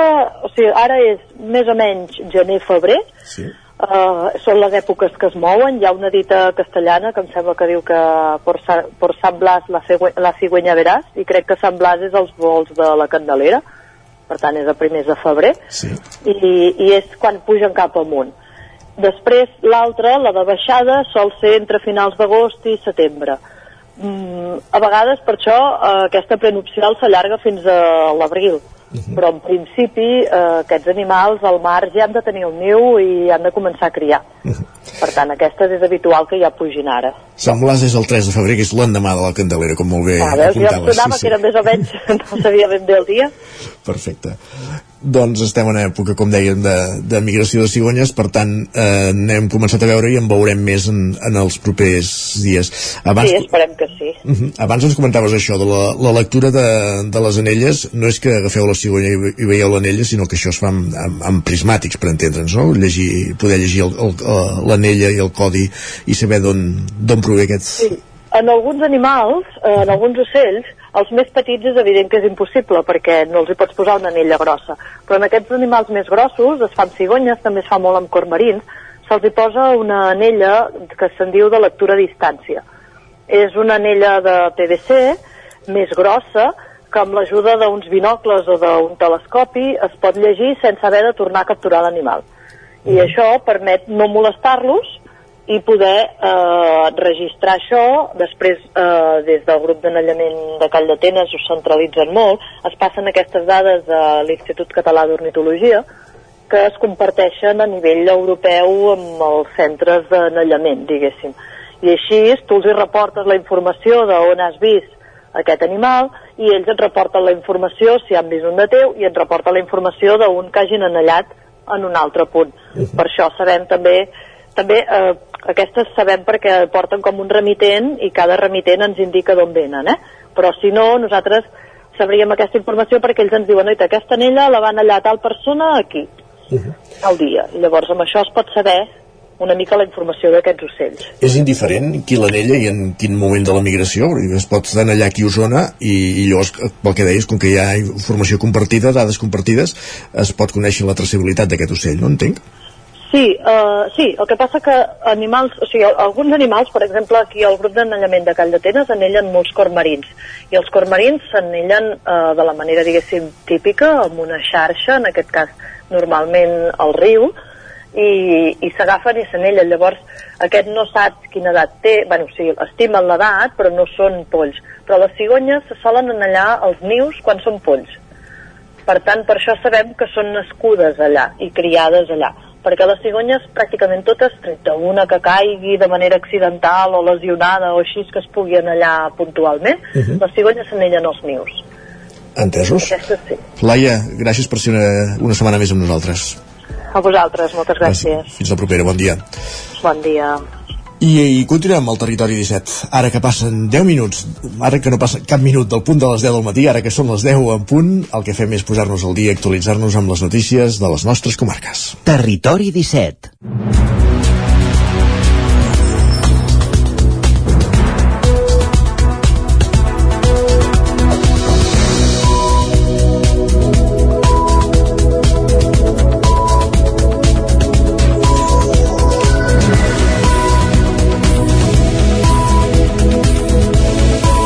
És dimarts 31 de gener de 2023 i el territori 17, moment de posar-nos al dia d'actualitzar-nos amb les notícies més destacades de les comarques del Vallès Oriental, Osona, el Ripollès i el Moianès i fem en connexió amb les diferents emissores del territori 17 per explicar-vos que la gratuïtat del tren fa baixar els passatgers que van de Vic a Barcelona en autobús. Segalés, la companyia que té la concessió, apunta que la caiguda d'usuaris en els últims mesos és d'aproximadament el 35%. Sergi Vives. La variable de preu entre el tren i l'autobús que s'aplica des del setembre ha tingut incidència en els hàbits per, de, per desplaçar-se de Vic a Barcelona. De fet, el director general d'Expansió i Desenvolupament de Segalés, Pedro Montaner, ha fet evident que amb un recorregut gairebé en paral·lel i un punt de sortida molt proper, és lògic que si el tren és gratuït, el servei d'autobús no té una davallada davallada d'usuaris. Des de Sagalés, Montaner remarca que malgrat que hagin detectat aquesta disminució de viatgers en la 12, ni l'empresa concessionària ni l'autoritat competent, és a dir, la Generalitat, han valorat disminuir expedicions ni modificar el servei. El que sí que considera Sagalés és que rebre les compensacions als operadors de transport públic recollides en el decret llei que es va aprovar el juny passat. Apunta també que amb les bonificacions els ingressos també han estat inferiors. Més qüestions. Dissabte es va constituir Sant Quirze de Besora, la plataforma per recuperar l'energia que pretén aglutinar eh, ens municipals i entitats per sumar esforços i revertir a mans públiques el control de les hidroelèctriques. La plataforma per recuperar l'energia pretén revertir a mans públiques el control de les centrals hidroelèctriques, que ja la majoria la, unes 300 es troben a mans privades. Volen recuperar aquelles que tenen una concessió a punt de caducar, però també estudiar els casos en què consideren que hi ha alguna irregularitat i que aquesta mm, seria possible recuperar. Ho explica en el president i el portaveu de la plataforma Arnau Bosch i Josep Babot, respectivament. Servirà doncs, per aglutinar totes les persones, totes les entitats, tots els municipis que lluiten en aquest sentit i a l'hora de fer pressió i denúncia arreu del territori doncs, de, de tots aquests fets um, serà una altra veu molt més gran. Poder recuperar aquelles centrals en eh, les quals les seves concessions acabin properament, però també estudiar tots aquells casos de centrals on la reversió és possible per algun tipus d'irregularitat que permetria doncs revertir-la i poder facilitar aquesta central hidroelèctrica per al municipi i per a la seva gent. En la presentació de l'ENS destacaven que Sant Quirze ha estat un exemple de lluita ja que han aconseguit la, re la reversió d'una de les tres hidroelèctriques del poble, de, la de Can Tritxat. Uh, van treballar, explica Bosch, perquè no sortís a concurs públic quan acabés la concessió al juliol de l'any que ve. En el nostre cas, no, sent tossuts, hem aconseguit passos que tres anys enrere se'ns havien negat rotundament i se'ns ha acabat donant la raó. Uh, actualment ens trobem en què tenim el compromís que es garantirà la gestió pública i no es traurà concurs aquest, aquesta central hidroelèctrica de Can Trinxet que caduca el 2024 això ja és una victòria i ara ens trobem en el, en el procés de veure no, en aquesta gestió pública quin paper hi pot tenir l'Ajuntament. Des de la plataforma per recuperar l'energia, Babot també remarca la importància que l'aigua deixi d'estar en mans de grans companyies i més en un moment en què els preus de l'energia estan disparats sabem quins són els, els alts preus de l'energia en aquest sentit i sabem també qui són els grans beneficiats, que són les grans companyies com Endesa, que és la que gestiona doncs, um, la gran majoria d'aquests salts. Eh, Endesa en el, fins al setembre del 2022, últimes dades recollides, va, ingress, va tenir uns beneficis nets de més de 1.400 milions d'euros. I per tant, entenem que el lucre a través de la gestió d'aquest tipus d'espais de, doncs no, no, no és de rebut la nova plataforma pretén que entrin a formar-ne part ens municipals interessats en la recuperació de l'energia i també entitats socials i ambientalistes que treballin en el mateix sentit. Gràcies, Sergi. Anem cap al Ripollès, perquè el cònsul del Japó a Barcelona visita Ripoll i assisteix al concert Antoni Madueño i Kimio Nakano. Isaac Muntades, la veu de Sant Joan. L'església de Sant Pere de Ripoll va acollir dijous al vespre un concert relacionat amb els instruments adormits de la portalada, sota el títol Travessant el mar damunt d'una carena de Ripoll a Sant Jaume de Compostela. L'artista Antoni Madueño i la soprano japonesa Kimio Nakano van encarregar-se d'oferir el recital. Prèviament al concert, l'Ajuntament de Ripoll va rebre el cònsul general del Japó, Yasushi Sato, que va anar fins al despatx d'alcaldia per signar el llibre d'honor. Allà també es va reunir amb quatre regidors de l'equip de govern i un parell de representants de la Unió Intersectorial i Empresarial del Ripollès. Sato, que ja havia fet una visita breu l'any passat a Ripoll, va explicar el motiu de la seva presència. Bueno, hoy vine por la invitación del Ayuntamiento de, de Ripoll. La idea es, eh, digamos, fomentar los lazos culturales entre este ayuntamiento y el Consejo General de Japón en Barcelona, ¿no? Bueno, yo cubro toda Cataluña, así que, bueno, por esa, gracias a esta invitación, he venido aquí. Bueno, ya había eh, visitado este, este Ripoll eh, el año pasado, pero bueno, solo pasé unas horas aquí, así que bueno, yo pensé que era buena oportunidad. Además, bueno, la música, digamos, an antigua, ¿no? Medieval, es la que vamos a escuchar, bueno, me interesa. Además, canta una, una soprano japonesa eh, en este concierto, así que bueno, eso es lo que eh, és otro motivo de venir aquí a Ripoll. Sato i la seva esposa van visitar de forma breu el conjunt monàstic de Santa Maria, on van poder veure la portalada, la nau i també el claustre. El cònsul general es va interessar per la candidatura a Patrimoni de la UNESCO i va signar una butlleta per donar suport a la iniciativa. També es va desplaçar fins al taller de l'artista local Domènec Batalla, on va poder veure part de l'obra de l'artista japonesa Shikako Taketani, que va morir el 2013 amb només 50 anys. A l'església de Sant Pere també va assistir-hi l'alcalde Jordi Monell i el delegat de Cultura de la Diputació de Girona, Albert Pinyeira. El diputat usonenc d'en Comú Podem, Marc Parés, deixa el Parlament després d'ocupar el càrrec durant gairebé 4 anys. De fet, la sessió al Parlament de Catalunya de dijous va ser l'última del diputat osonenc. El representant d'en Comú Podem ha renunciat a l'acte després de 4 anys a l'hemicicle, que va entrar a l'abril de 2019, després de la sortida del partit de Joan Josep Nuet. Més enllà del compromís individual de fer política durant 4 anys, Parés també destaca la voluntat de reprendre la seva activitat professional, ja que és docent a la UAB en l'àmbit de geografia. Del seu pas pel Parlament es mostra especialment satisfet del seu paper en l'aprovació de dos pressupostos de la Generalitat i la negociació dels d'aquest any, així com també la, la tramitació de la llei de barris verds i el debat en la comissió d'estudi per a un nou model policial. Tot i estar convençut d'abandonar el Parlament després de 4 anys, lamenta que Osona perdi representació a l'hemicicle. El que sí que descarta, però, és encapçalar la llista d'en Comú Podem a Vic, que encara es troba pendent de confirmar qui serà la cara visible de la formació a les municipals del 28 de maig.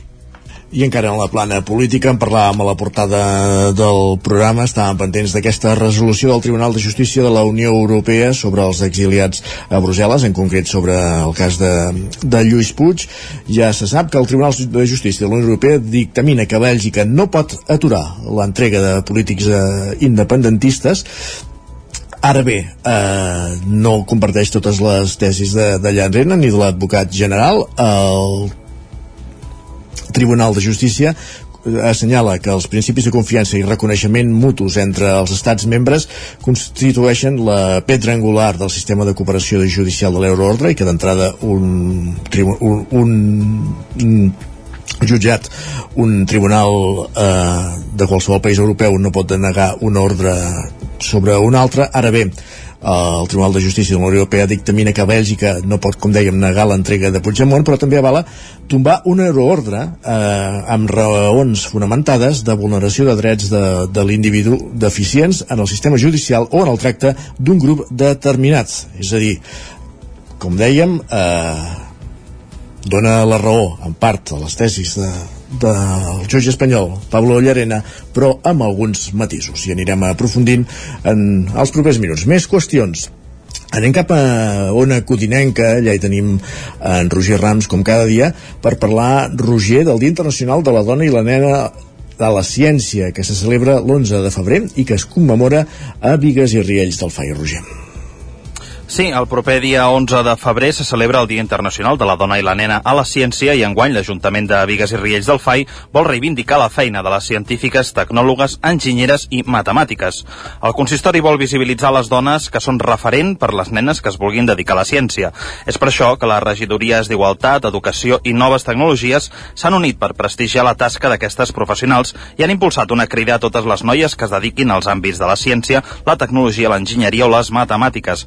Aquesta aquesta jornada se celebra a Vigues i Riells des de fa anys, però aquest cop s'ha volgut anar una mica més enllà, ho explica la regidora d'Igualtat, Maite Escobar.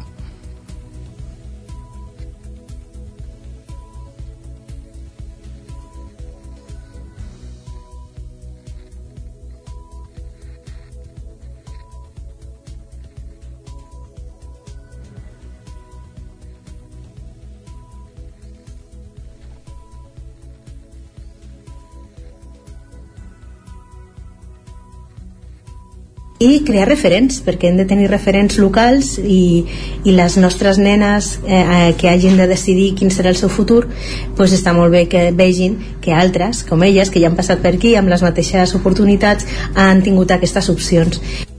Per fer-ho cal que les persones d'aquest perfil facin arribar una fotografia seva acompanyada d'una breu explicació del seu lloc de treball al correu electrònic comunicació arroba vigasirriells.cat. L'11 de febrer es publicarà a les xarxes socials del consistori un recull de les dones que hagin volgut visibilitzar la seva tasca i esdevenir també mirall per les futures generacions de nenes que vulguin esdevenir científiques, tecnòlogues, enginyeres o bé matemàtiques. Gràcies, Roger. I un últim apunt esportiu abans d'acabar. Més de 600 atletes participen al Dolor Ciutat de Granollers al circuit de Barcelona, Catalunya, Montmeló, Pol Grau, Ràdio Televisió, Cardedeu. El Duatló Ciutat de Granollers, organitzat pel Club Triatló de Granollers, ha celebrat aquest cap de setmana la tretzena edició d'adults i l'onzena infantil. En total, més de 600 atletes s'han congregat al circuit de Barcelona, Catalunya.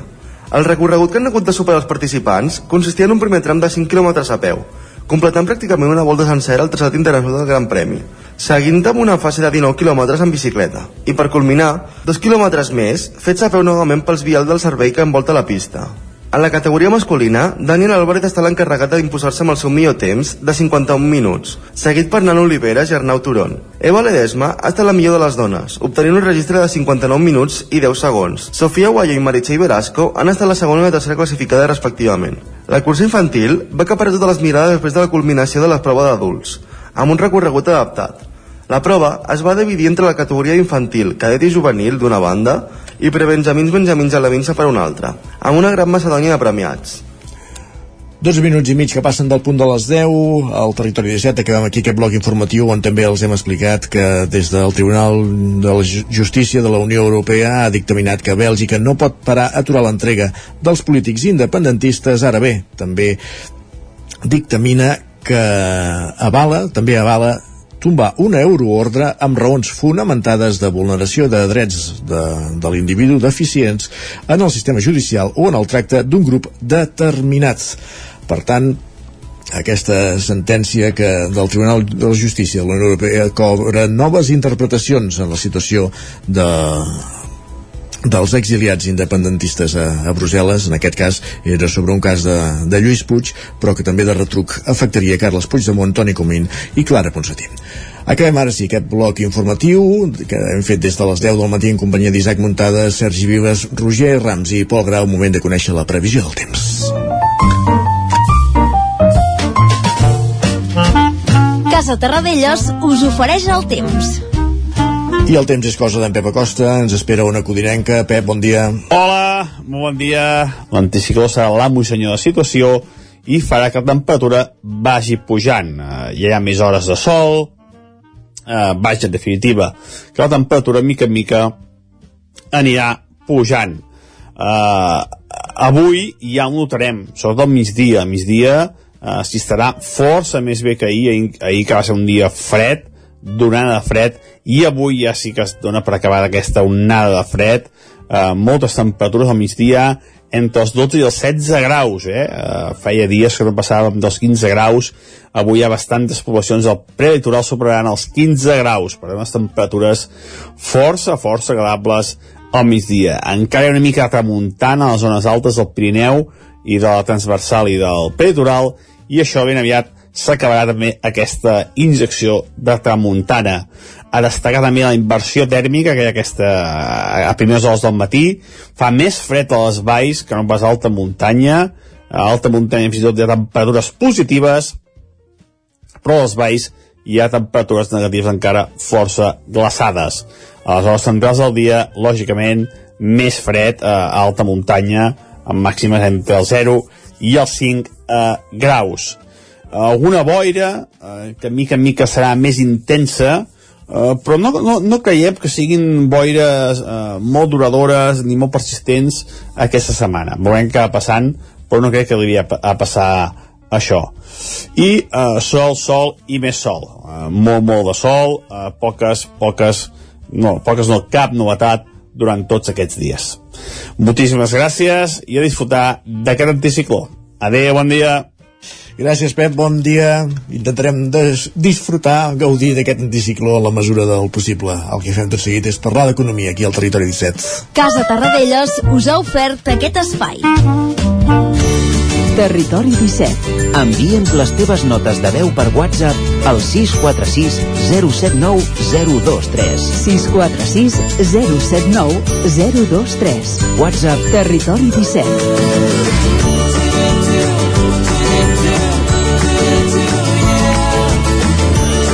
Territori 17. Som a Facebook, Twitter i Instagram amb l'usuari Territori 17.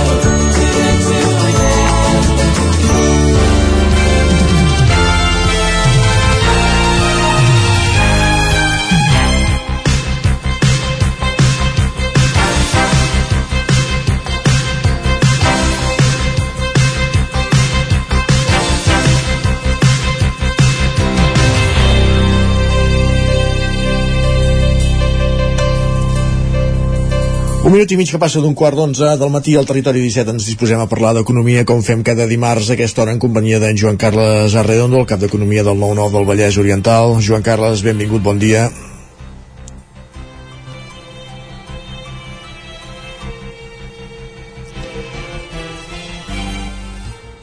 Hem perdut la comunicació amb, amb en Joan Carles Arredondo, intentem recuperar-la i...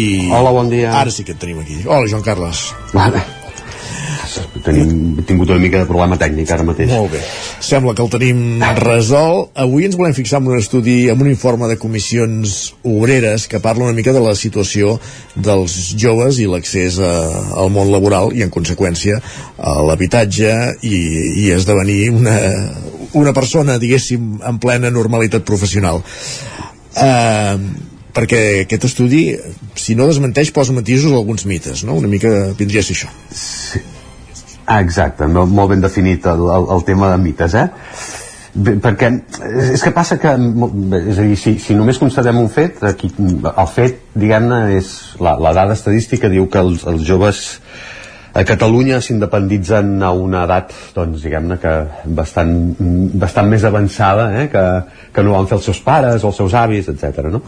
I, I moltes vegades això, eh? si només constates el fet mm, i, i no, no li poses gaires, gaires matisos, diguem-ne, arribes a conclusions massa sovint, eh? passa, passa que, que les conclusions d'aquestes són errònies, no? Pas, davant d'aquesta situació, eh? d'aquesta emancipació tan tardana, diguem-ne, es pot eh, concloure que hi ha una capacitat de sacrifici menor que la que tenien els pares, els avis o els besavis eh? que, i això ningú diu que sigui del tot erroni però com a mínim és matisable si es posen altres consideracions i aquestes consideracions es poden dir salaris baixos preus d'habitatges alts i això diguem-ne que també és una altra realitat i quedar-se només amb el, amb el tema d'aquesta emancipació tardana mm, com, com eh, diguem-ne com un element social sense posar-hi mm, paràmetres econòmics també doncs pot portar aquestes conclusions errònies d'acord aquesta és una conclusió errònia aquest mes d'agost va haver-hi una tertuliana de d'Antena 3 concretament eh? sí. que mm, deia, eh, diguem-ne que abundava una mica en, el, en la qüestió aquesta del sacrifici, eh?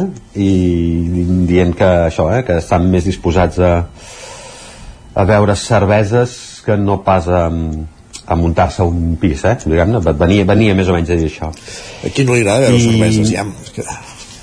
Això, això també és, això també és veritat, eh? però diguem-ne que un, una cervesa, posar cerveses contra pis, diguem-ne, sí. la, la diferència de preu és tan abismal que bueno, una mica fa coseta fins i tot no? Em, i va haver-hi una resposta d'un economista que es diu Iago Álvarez Barba eh, que és un economista que a veure no, diguem-ne que no és a l'ultradreta de, de, de ben segur que no, eh? està exactament a la banda contrària però explicava que va comparar eh, amb el seu pare quantes nòmines havien de dedicar a, mm, va haver de dedicar eh, el seu pare a comprar un pis, això era l'any 81 i quantes li costarien amb ell en, ara eh, en el seu pare li costaria 16 nòmines un any i 4 mesos eh?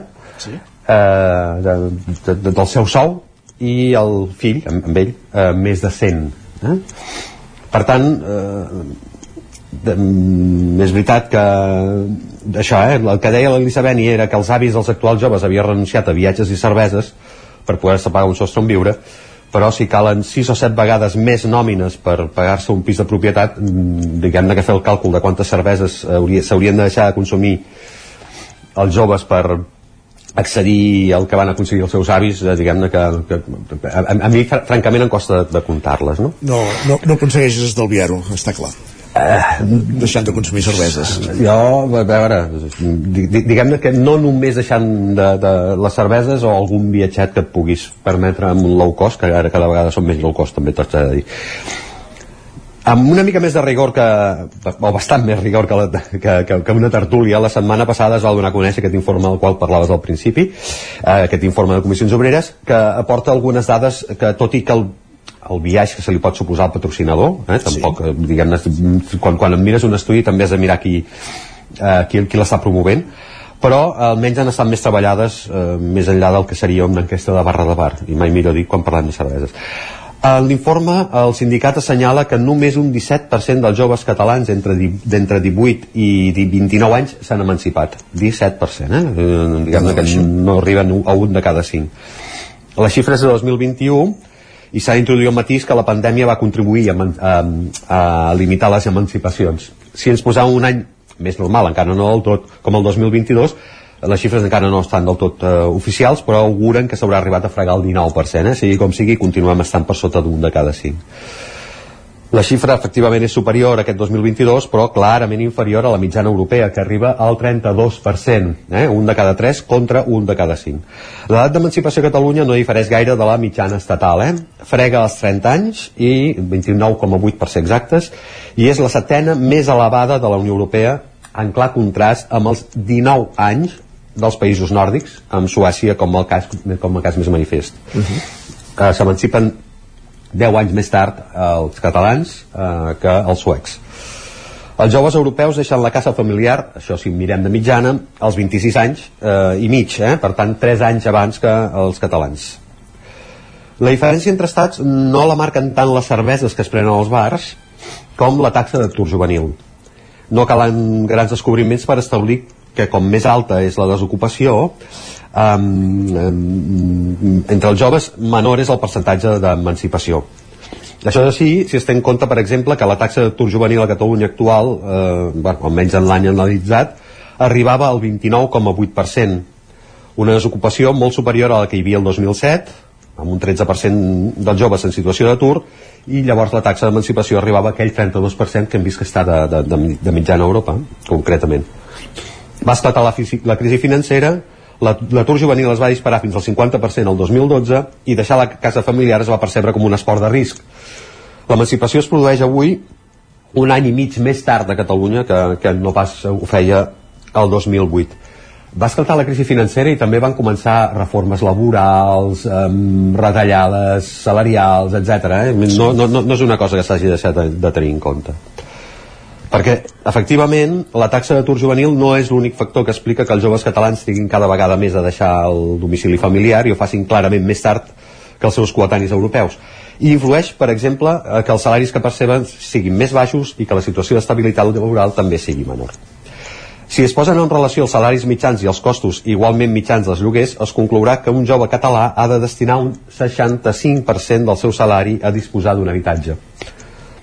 I aquest percentatge encara s'incrementa fins al 85% si el jove busca pis a Barcelona. La recomanació és un 33. És cert que les modalitats eh, això és exacte, però és, és, és una, diguem-ne que ho posa molt difícil eh? Que, sí, sí. quan en realitat el que et diuen els estudis oficials que seria idoni que destinessis en el, en el teu el sostre, diguem-ne, eh, no vagi més enllà d'un terç, no? Uh -huh.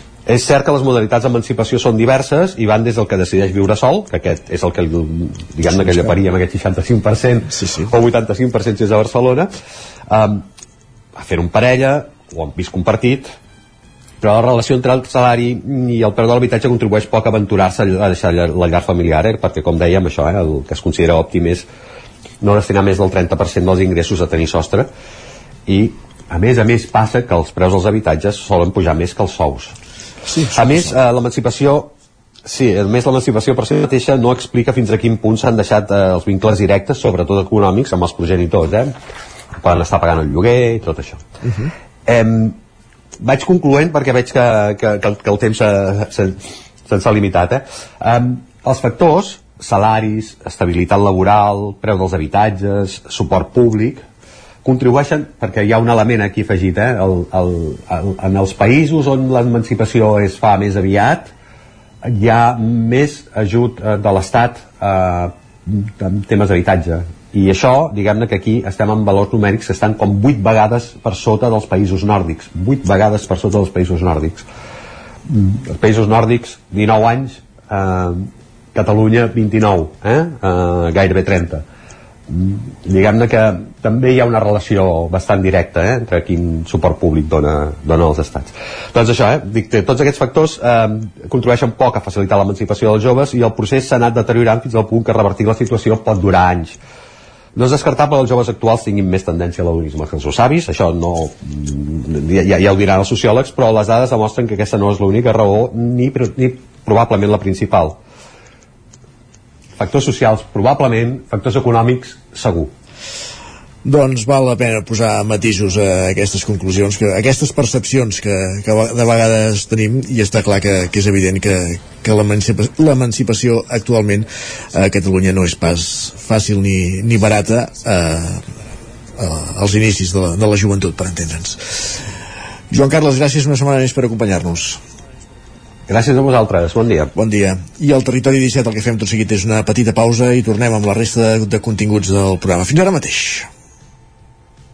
9 FM, la ràdio de casa, al 92.8. Has esperat que arribi el fred per comprovar si et funciona bé la caldera? No pateixis, a Casa Jové som especialistes en manteniment, reparació i revisió d'equips d'aigua calenta i calefacció, tant en l'ambient domèstic com industrial. Si tens una avaria, no ho dubtis. Som Casa Jové. Ens trobaràs al carrer Girona, número 9 de Vic, i al telèfon 93 886 1596. Casa Jové, el teu servei tècnic de confiança. Ja tens la teva disfressa? Carnestoltes a Manli. Vine i demana'ns la disfressa que vulguis. Trobaràs un món de fantasia en disfresses i complements per al Carnestoltes. Hi ha uns preus especials. Som al carrer Ramon Soler, número de Vic, i també ens trobareu a manli.cat. Fem de la festa una bogeria. Una bogeria. Bon dia, us truco del servei tècnic oficial de Bailand. Hem detectat que la pressió de la seva caldera està baixant. No me n'havia adonat. Com es pot solucionar? Ho resoldrem en uns minuts. No espereu més. Amb el servei de manteniment ServiPlus Connect de Bailand, preocupeu-vos del que realment importa. Nosaltres ens encarreguem de la vostra caldera. Informeu-vos a connectivitat.bailand.es. Al forn de pa i pastisseria Glina hi trobareu una gran varietat de pans de producció pròpia amb farina de blat i de molts altres tipus, tots elaborats al nostre obrador. També us oferim tortells, braços de gitano, coques, brioixeria i pastes seques i pastissos personalitzats. I ara també ens trobareu al Mercat Municipal de Torelló. Forn de pa i pastisseria Glina, carrer Major número 9 de Sant Vicenç de Torelló i Mercat Municipal de Torelló. Bon dia, són les 9 al Territori 17. La Miquel Parella, Cada, cada matí i durant dues hores t'acompanyem i et posem al dia de l'actualitat de casa nostra. Potenciant així l'autonomia En aquest cas me la peça el si no... cursos per feminitzar el pensament masculí. Territori 17, el magazín matinal d'Osona, el Moianès, el Ripollès i el Vallès Que Oriental. la meva àvia de 93 El anys 9 FM, el 9 TV, el 99.cat i també els nostres canals de Twitch i i YouTube. demà per fer-se un tatuatge. Cada matí, Territori 17. Ole. Cocodril Club. Si t'agrada la bona música dels anys 60, 70 i 80, escolta el 9 FM els matins de dissabtes i diumenges d'11 a 1. És el temps del Cocodril Club, tot un clàssic de la ràdio, amb les bases del pop-rock, les llegendes, les cançons que s'han convertit en autèntics himnes. Recorda, dissabtes i diumenges al matí, d'11 a 1, al 9 FM 92.8. Cocodril Club, el programa revival de l'Albert Malla. Hasta luego, cocodrilo. Anuncia't al 9FM. La màquina de casa. 9 3 8 8 9 4 9 4 9. Publicitat arroba al 9FM.cat. Anuncia't al 9FM. La publicitat més eficaç.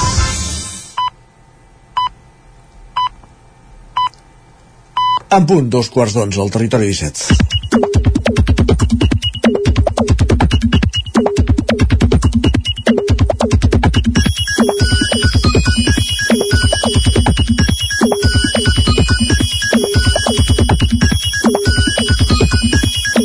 Guillem Sánchez, benvingut, bon dia, bona hora. Què tal, com estem? Bé, i tu? Doncs jo encara amb una mica de fred, eh? tot i que ens hagin dit que ja no sigui una de, de fred tècnicament el que estem vivint aquest dimarts.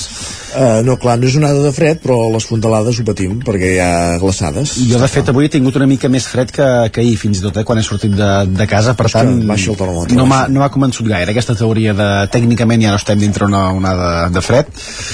M'ha agafat una mica No, no, des, clar. desprevingut, així. que La, la teoria es fa segurament des de punts on no hi ha gelada matinal. De fet, en Carles ens escrivia avui mateix, diu, baixes temperatures un gener, és una onada de fred o és l'hivern? Bé, depèn. Depèn de les Opció- temperatures, opció dos. depèn de si glaça, de si gela, de si... Però, però clar, també depèn, perquè si l'onada de fred són no sé quants dies seguits de no sé quantes Correcte. temperatures, per tant, això es pot produir a l'hivern, és evident. Sí, es poden produir les dues coses al mateix moment. Exacte. Ahir la Marta també ens escrivia sort que avui és l'últim dia de l'onada de fred, 3 graus negatius a dos quarts de nou del matí. Jo m'agradaria demanar-li a la Mar, si ens està escoltant ara mateix, que ens digui quina temperatura té avui mateix, dimarts, a veure si ha variat gaire respecte al que ens escrivia ahir per poder fer aquesta, aquesta comparació. I en dies en què fa fred poden passar coses com aquestes. A veure, Isaac, ja. atents. Una abraçada a tots i a totes els que aquest matí hem perdut com a mínim 5 minuts traient el punyetero gel del parabrisa del cotxe perquè no ens podem permetre el luxe de tenir un pàrquing on resguardar-lo del fred. Ja, però no, es pot ser previsor, eh? Es pot posar No manta davant del vidre... en fi, no esteu sols demà més. De fet, per aquí anava? Perquè hi ha molta gent que li ha donat eh, respostes i solucions perquè no se li mm, glaci el, el vidre de, del, del cotxe. De fet, algunes d'aquestes són fica un cartró, no és molt glamurós però coi, funciona. Primera. En Francisco li diu una garrafeta d'anticongelant al maleter i només tirant 3 o 4 tapets de la mateixa garrafa amb una mica de gràcia procurant mullar tot el vidre i problema solucionat. Segona. O també ens aporta solucions la Maria Nicolau. També ha resposta amb aquest Ai, ai. tuit. Li diu, a mi la targeta client de l'esclat em va de nassos. També venen un spray que desglaça a l'instant. Per tant, solucions n'hi ha moltes L'altre dia vaig veure-ho fer, vaig veure-ho fer amb un rellotge d'aquest de la zona de plava, però clar, ha de ser de plàstic, eh? Perquè Ostres. el que jo tinc el cotxe de cartró i amb aquest... No, no, la llavors ja, sí, queda, queda massa humit i ja no es pot fer, fer servir. I si has de fer servir alguna targeta, vigila quina targeta fas servir per poder desglaçar... Jo he entès que la Maria no deu anar gaire sabint el bon preu.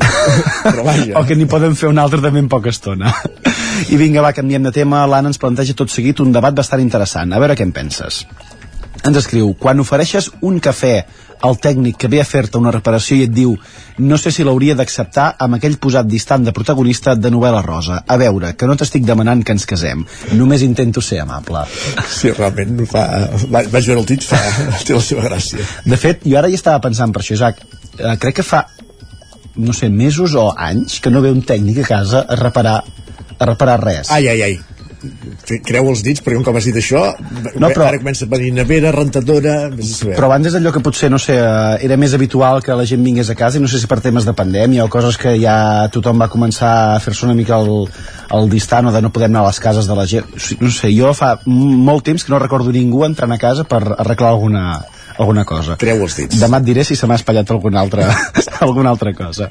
Va, i el que potser també caldrà reparar és aquesta situació que ens exposa ara mateix l'Arnau Tordera, que entenc que ell veu com un problema. Ens escriu, ja no queda cap bar a Osona que obri cada nit? A tu et ve algun al cap? Mm, no ho sé. Jo els, els vegades he tingut problemes per trobar bars per anar a veure el futbol, però per... però... O per, o per anar a sopar algun dia entre setmana també, que sembla a alguns que els hi faci mandra fer-te algun àpat. No, sopar un dia entre setmana sempre trobes alternatives. Sí? Sí, però sense anar més lluny, els dilluns pots anar a Torelló o a. Perfecte. Per Doncs va. exemple. Ja, n'he- ja n'hem dit un.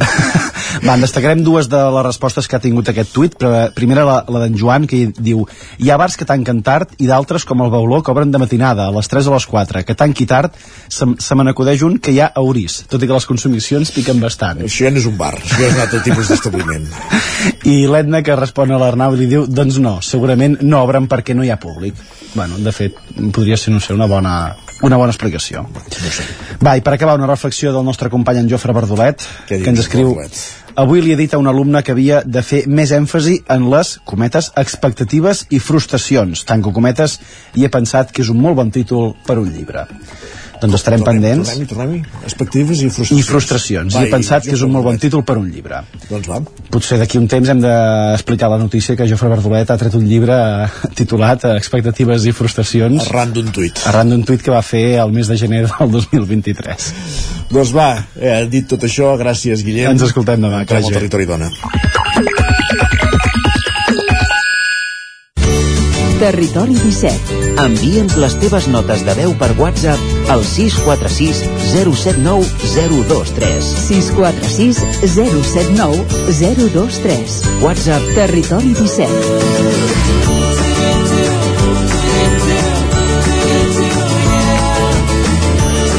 Territori 17.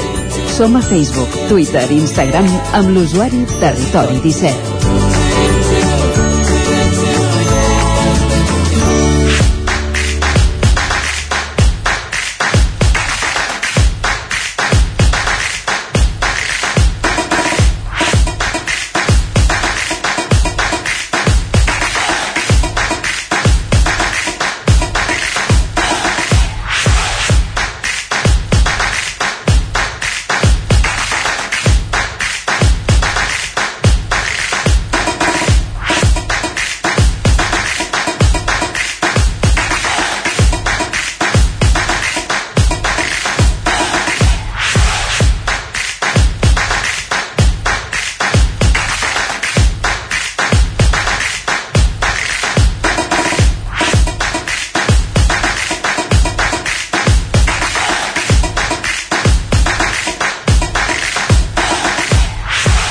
Dos quarts i mig d'onze del matí al territori 17 és moment del territori dona. Saludem primer de tot la Maria López als estudis de Ràdio Televisió. Cardeu Maria, benvinguda, bon dia Doncs bon dia, Isaac, i benvingudes totes a la nostra tertúlia batallera de dimarts, eh, que arriba amb aquests timbals carregats d'intenció, intenció de trencar tabús, de posar sobre la taula aquelles coses que a vegades passen desapercebudes però que segueixen carregant de masclisme la nostra societat. I també, per suposat, aquelles que es toleren davant l'evidència i els ulls de tothom.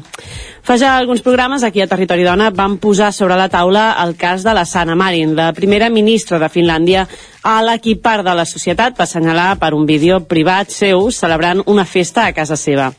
Ja en aquell moment es va fer evident el qüestionament constant que reben les dones polítiques que tenen càrrecs de responsabilitat. Fa pocs dies, la primera ministra de Nova Zelanda, Jacinda Ardern, anunciava que dimitia i ho feia reconeixent que no podia més.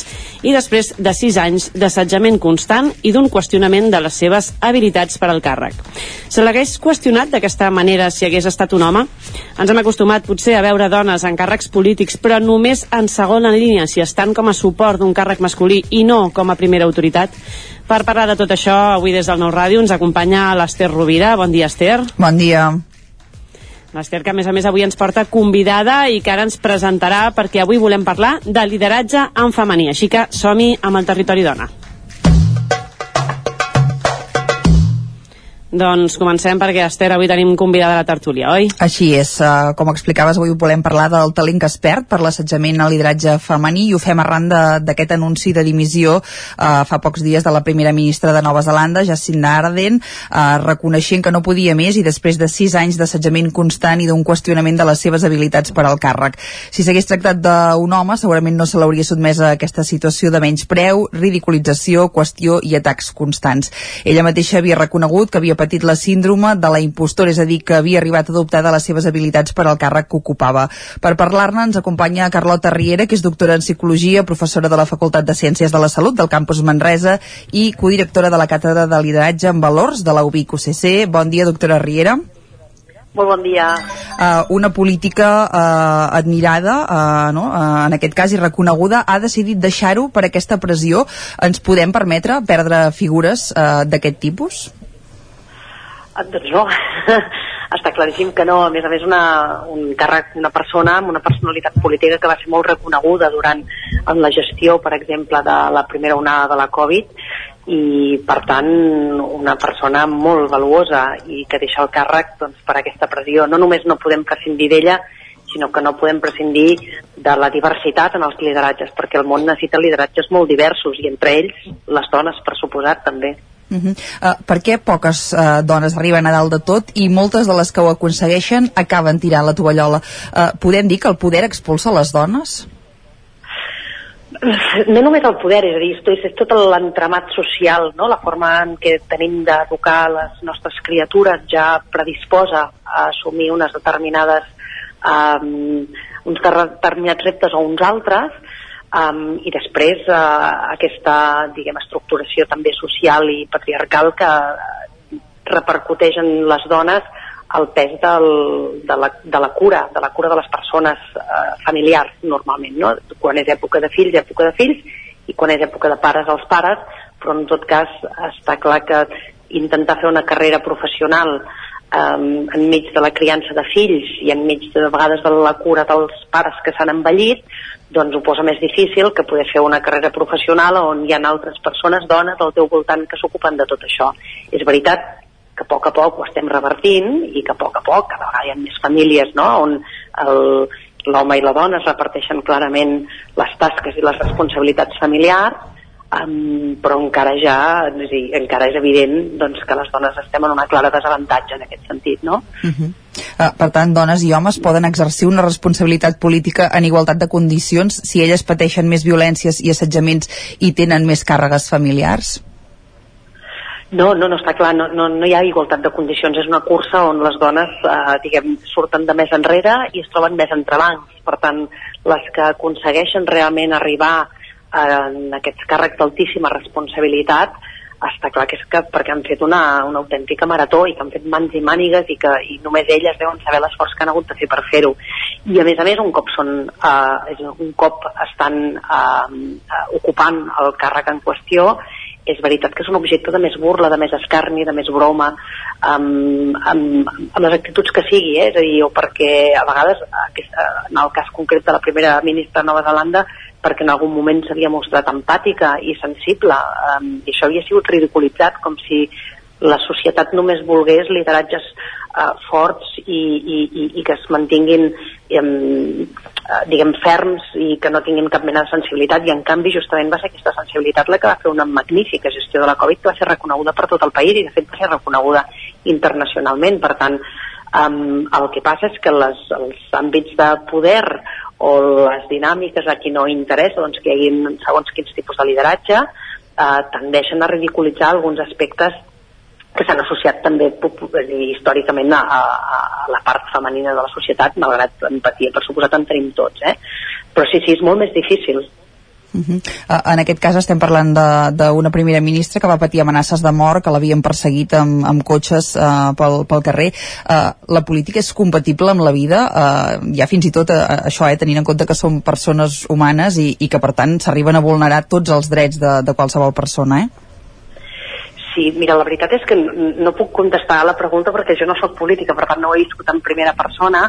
Um, el que està clar és que la, la, les persones que ocupen, diguem, eh, posicions de responsabilitat política són persones que són sotmeses al, a l'escrutini públic, com ha de ser, però a vegades es sobrepassen no? aquests límits i per tant es comencen a fer valoracions de l'esfera personal i estic segura que hi ha molts primers ministres i molts presidents homes que també se senten amenaçats i que també reben doncs, eh, determinades pressions perquè, eh, perquè a vegades hi ha, hi ha subjectes o grups a les nostres societats que no acaben d'entendre doncs, el que és la democràcia i que a vegades pensen que la seva veritat és l'única i que no poden entendre doncs, eh, què vol dir doncs, que hi hagi una persona elegida eh, per la majoria i per tant eh, jo estic segura que tots els polítics reben aquesta pressió i reben mirades i, i, i, i comentaris i això és l'extrem, l'amenaça de mort però segur que comentaris i amenaces n'hi han de tot tipus i estic segura que el reben tant homes com dones. Sí que és veritat que en la zona sexarterdera um,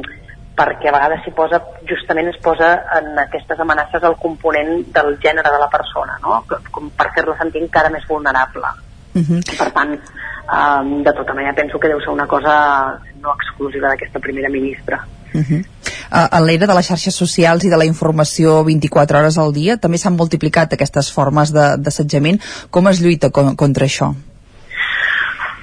jo diria amb educació, educació i educació, i amb sensibilitat, sensibilitat i sensibilitat, és a dir, no només, eh, és a dir, el, el, acabes de tocar un tema molt important també, que no només hi ha una violència excessiva en algunes determinades xarxes socials, que semblen espais on un es pugui desfogar perdent tot sentit de l'educació, sinó que si parleu amb, amb, no, parlant amb mestres o amb educadors que estan en contacte amb joves i amb adolescents, us relataran i sobretot els experts relaten amb claríssim, no? amb molta claredat doncs, que el que fa un, és el bullying, per exemple, a les aules continua sent bullying a les aules, la diferència està en que aquest s'ha convertit en, en, en 24-7, no? 24 hores al dia, 7 dies a la setmana, perquè les xarxes socials permeten que els joves continuïn assetjant aquelles persones de les seves aules eh, eh, eh, quan, encara, quan ja són a casa seva, no? És a dir, fa 20 anys o 30 anys on podia tenir doncs, la, desgràcia, diguem, de, de patir aquest assetjament o un maltractament, però quan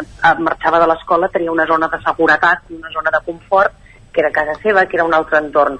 Això amb les xarxes ha desaparegut i, per tant, el, els assetjaments són molt més, um, és a dir, són més punyents perquè ocupen totes les esferes vitals, doncs si això passa amb joves i adolescents, imagineu-vos en, la, en la part, doncs, um, diguem, de personatges públics que poden sentir-se constantment assetjats. I és veritat que um, que algú és dir, que, que, que està constantment uh, escoltant o llegint uh, comentaris animadversius cap a, no només cap al tipus de política que fa, per exemple, com el cas d'aquesta primera ministra, sinó cap a la persona mateix i cap a la valoració de la pròpia persona, doncs eh, és difícil de suportar per qualsevol ésser humà, està claríssim. Uh -huh. uh, I com es pot potenciar el talent i lideratge femení uh, i protegir-lo davant d'aquesta amenaça perquè, perquè no es torni a reproduir un, un cas Jacint Arden? Aquí és un compromís social que hem de fer entre tots, és a dir, començant per els, uh, l'esfera periodística, passant per la sororitat entre dones, és a dir, el fet de que entre dones puguin uh, acompanyar-se, passa per no permetre socialment eh, no deixar-ne passar ni una des del punt de vista de quan el gènere és motiu d'escarni, quan és ni el gènere, ni la, ni el, no, ni, ni l'orientació sexual eh, ni l'edat haurien de ser motiu de discriminació de cap tipus i per tant eh, jo penso que hem de ser més exigents eh, socialment amb el tipus de comentaris que permetem i amb el tipus, eh, no? I amb el tipus de, de, de, de valoració respecte al bon fer o el mal de, en aquest cas de una figura política, però podríem parlar igual, eh, de qualsevol àmbit professional. El gènere no s'ha de posar en qüestió, és a dir, no és un element que dissumi ni resti, és, hauria de ser neutre. I, per tant, socialment eh, hem de mantenir en aquesta exigència de neutralitat, entenent que neutralitat no vol dir, és a dir, vol dir entendre la diversitat, vol dir entendre i voler no, abraçar doncs, um, lideratges molt diferents perquè són necessaris eh, per coses, per objectius diferents i, i en funció de fins i tot moments diferents de la història i, i això passa sobretot per molta educació, és a dir, per molta educació des de molt petits i fallem, i fallem encara aquí. Uh -huh. uh, lamentablement el de Jacint Arden no és l'únic cas d'assetjament al lideratge femení i tu Maria uh, ha recollit dades que ens ajudaran una mica a entendre la, la magnitud del problema, no? Efectivament, perquè segons dos estudis de la Unitat d'Intervenció Policial publicats el 2016 i el 2018 i recollits en un informe per la Unió Interpa Interparlamentària, el 82% de les dones parlamentàries que van participar en aquest estudi internacional van explicar haver experimentat violència psicològica. Això voldria dir comentaris de naturalesa sexual o sexista, intimidació i amenaces, publicació d'imatges humiliants de les mateixes amb connotacions sexuals, etc. El 65% han rebut comentaris sexistes socialistes i en la majoria de casos per part dels seus propis companys d'un altre partit polític o del seu propi partit. I en un 25% han experimentat violència física i encara un 20% hauria estat assetjats, assetjada sexualment. A nivell europeu, també en un estudi proporcionat per la UIP, el 85% de les parlamentàries europees encastades van viure violència psicològica durant el seu mandat i el 25% han estat assetjades sexualment. El 75% dels casos, els perpetradors van ser companys parlamentaris homes i el 34 34% d'aquests actes van tenir lloc dins el propi Parlament. D'altra banda, posant un peu fora del Parlament, l'assetjament i la violència segueixen per les parlamentàries, aquesta vegada en forma de violència masclista digital, que en parlàvem abans del mal de les xarxes socials. El 58% de les participants a l'estudi europeu i el 42% de les participants a l'estudi global van ser blanc d'atacs sexistes a les xarxes socials. En un altre estudi dut a terme pel Parlament Europeu, recull les vivències de 123 dones procedents de 45 països europeus, 81 parlamentàries i 42 membres del personal parlamentari. L'estudi mostra que el 85,2% han patit violència psicològica en el transcurs del seu mandat. Dins d'aquestes, el 46,9% havia rebut amenaces de mort, violació o pallisses. Fixeu-vos que parlem de pràcticament la meitat, eh? I el 58,2% havien estat objecte d'atacs sexistes a internet a través de les xarxes socials. El 67,9% havien estat objecte de comentaris relatius a l'aspecte físic o basats en estereotips de gènere. I el 24,7% havien patit violència sexual i encara un 14,8% havien patit violència física directament. Però fixeu-vos que parlem que més de la meitat han rebut directament eh, amenaces o comentaris via les xarxes socials, que és una pressió externa que ara tenim afegida. Uh -huh. Finalment, i segons un article d'Ainoa Portillo a Mecopress, volíem remarcar que qualsevol persona, o segons remarca, qualsevol persona que es converteixi pel motiu que sigui en un personatge públic adquireix una gran exposició a rebre crítiques, insults i campanyes de linxament. Això és el que comentàvem abans també amb la doctora Riera, però sí que eh, com a personatge públic li afegeixes el condicionant de ser dona, llavors l'assetjament es multiplica. Les dones no són només jutjades pel que diuen, sinó també que tenen una lupa posada en la seva sexualitat, en el seu físic, en la forma de vestir, de relacionar-se en la vida, l'oci i un llarg, etc. Si aquestes dones tenen un lloc de poder o autoritat a la societat, com és el cas de les polítiques, s'utilitzarà qualsevol argument dels esmentats anteriorment per restar-los importància, vàlua i professionalitat doncs, dades contundents. Eh, la doctora Riera hi feia referència eh, abans, eh, però, doctora, es dona en qualsevol àmbit l'assetjament al lideratge femení o aquest de la política és el més remarcable? Eh, es dona en qualsevol àmbit. Està clar que en, en l'àmbit polític és el ser públic no? i, i l'estar tan exposats és, uh, se'ns fa evident als ulls a tots i per tant és uh, on eh, seria una mica la punta de l'iceberg, no? però en realitat es dona en qualsevol context eh, que us pugueu imaginar, seguríssim. Um, les dades són demolidores, és a dir, eh, les dades són demolidores i donen no només per parlar d'educació, que és el que intentava remarcar abans, sinó també amb una certa implacabilitat i exigència en, en, la, en, en les conseqüències no?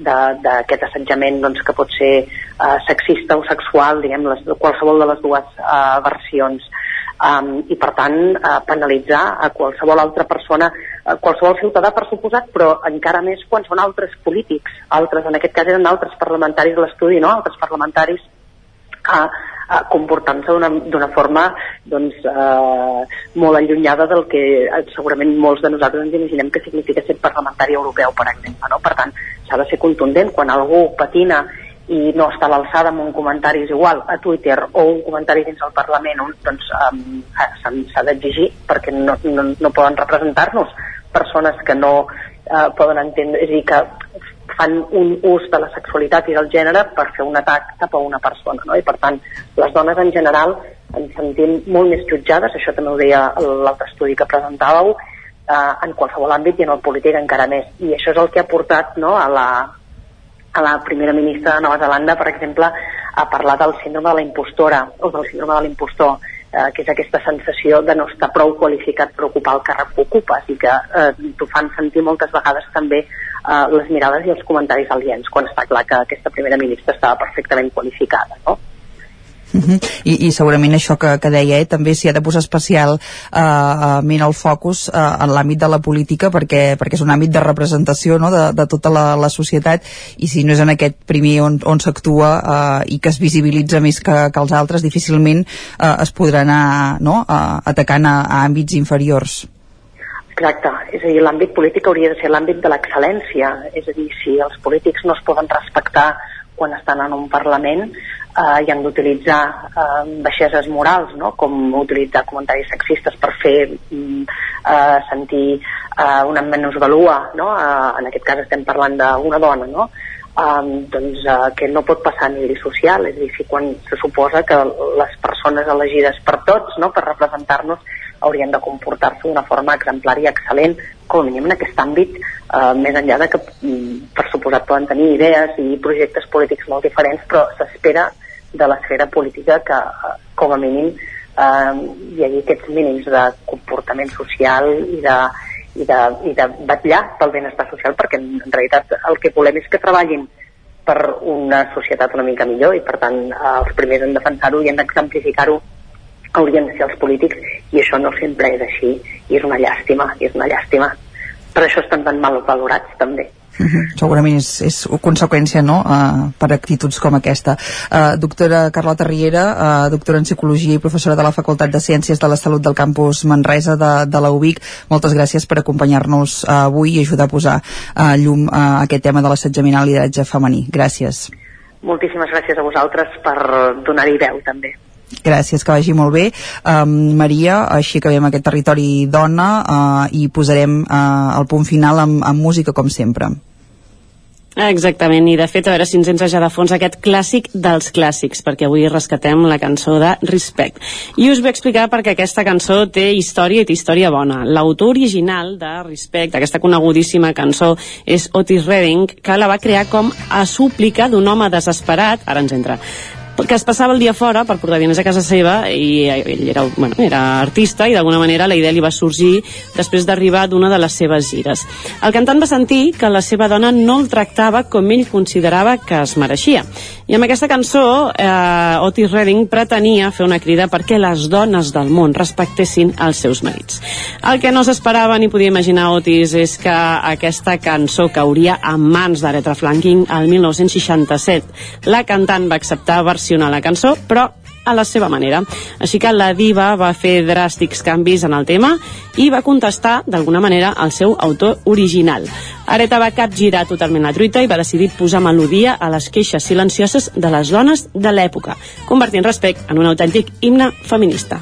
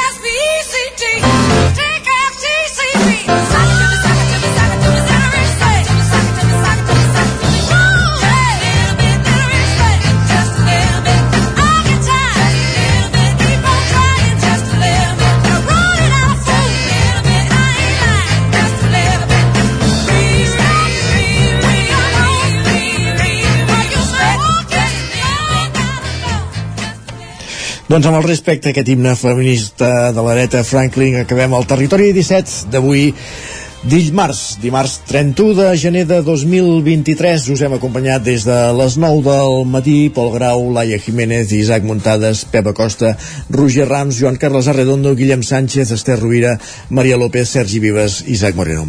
I tornarem demà, l'equip del Territori 17, estarem en dansa altre cop a partir de les 9 del matí. Fins aleshores, gràcies per ser-hi i molt bon dimarts. Adéu-siau.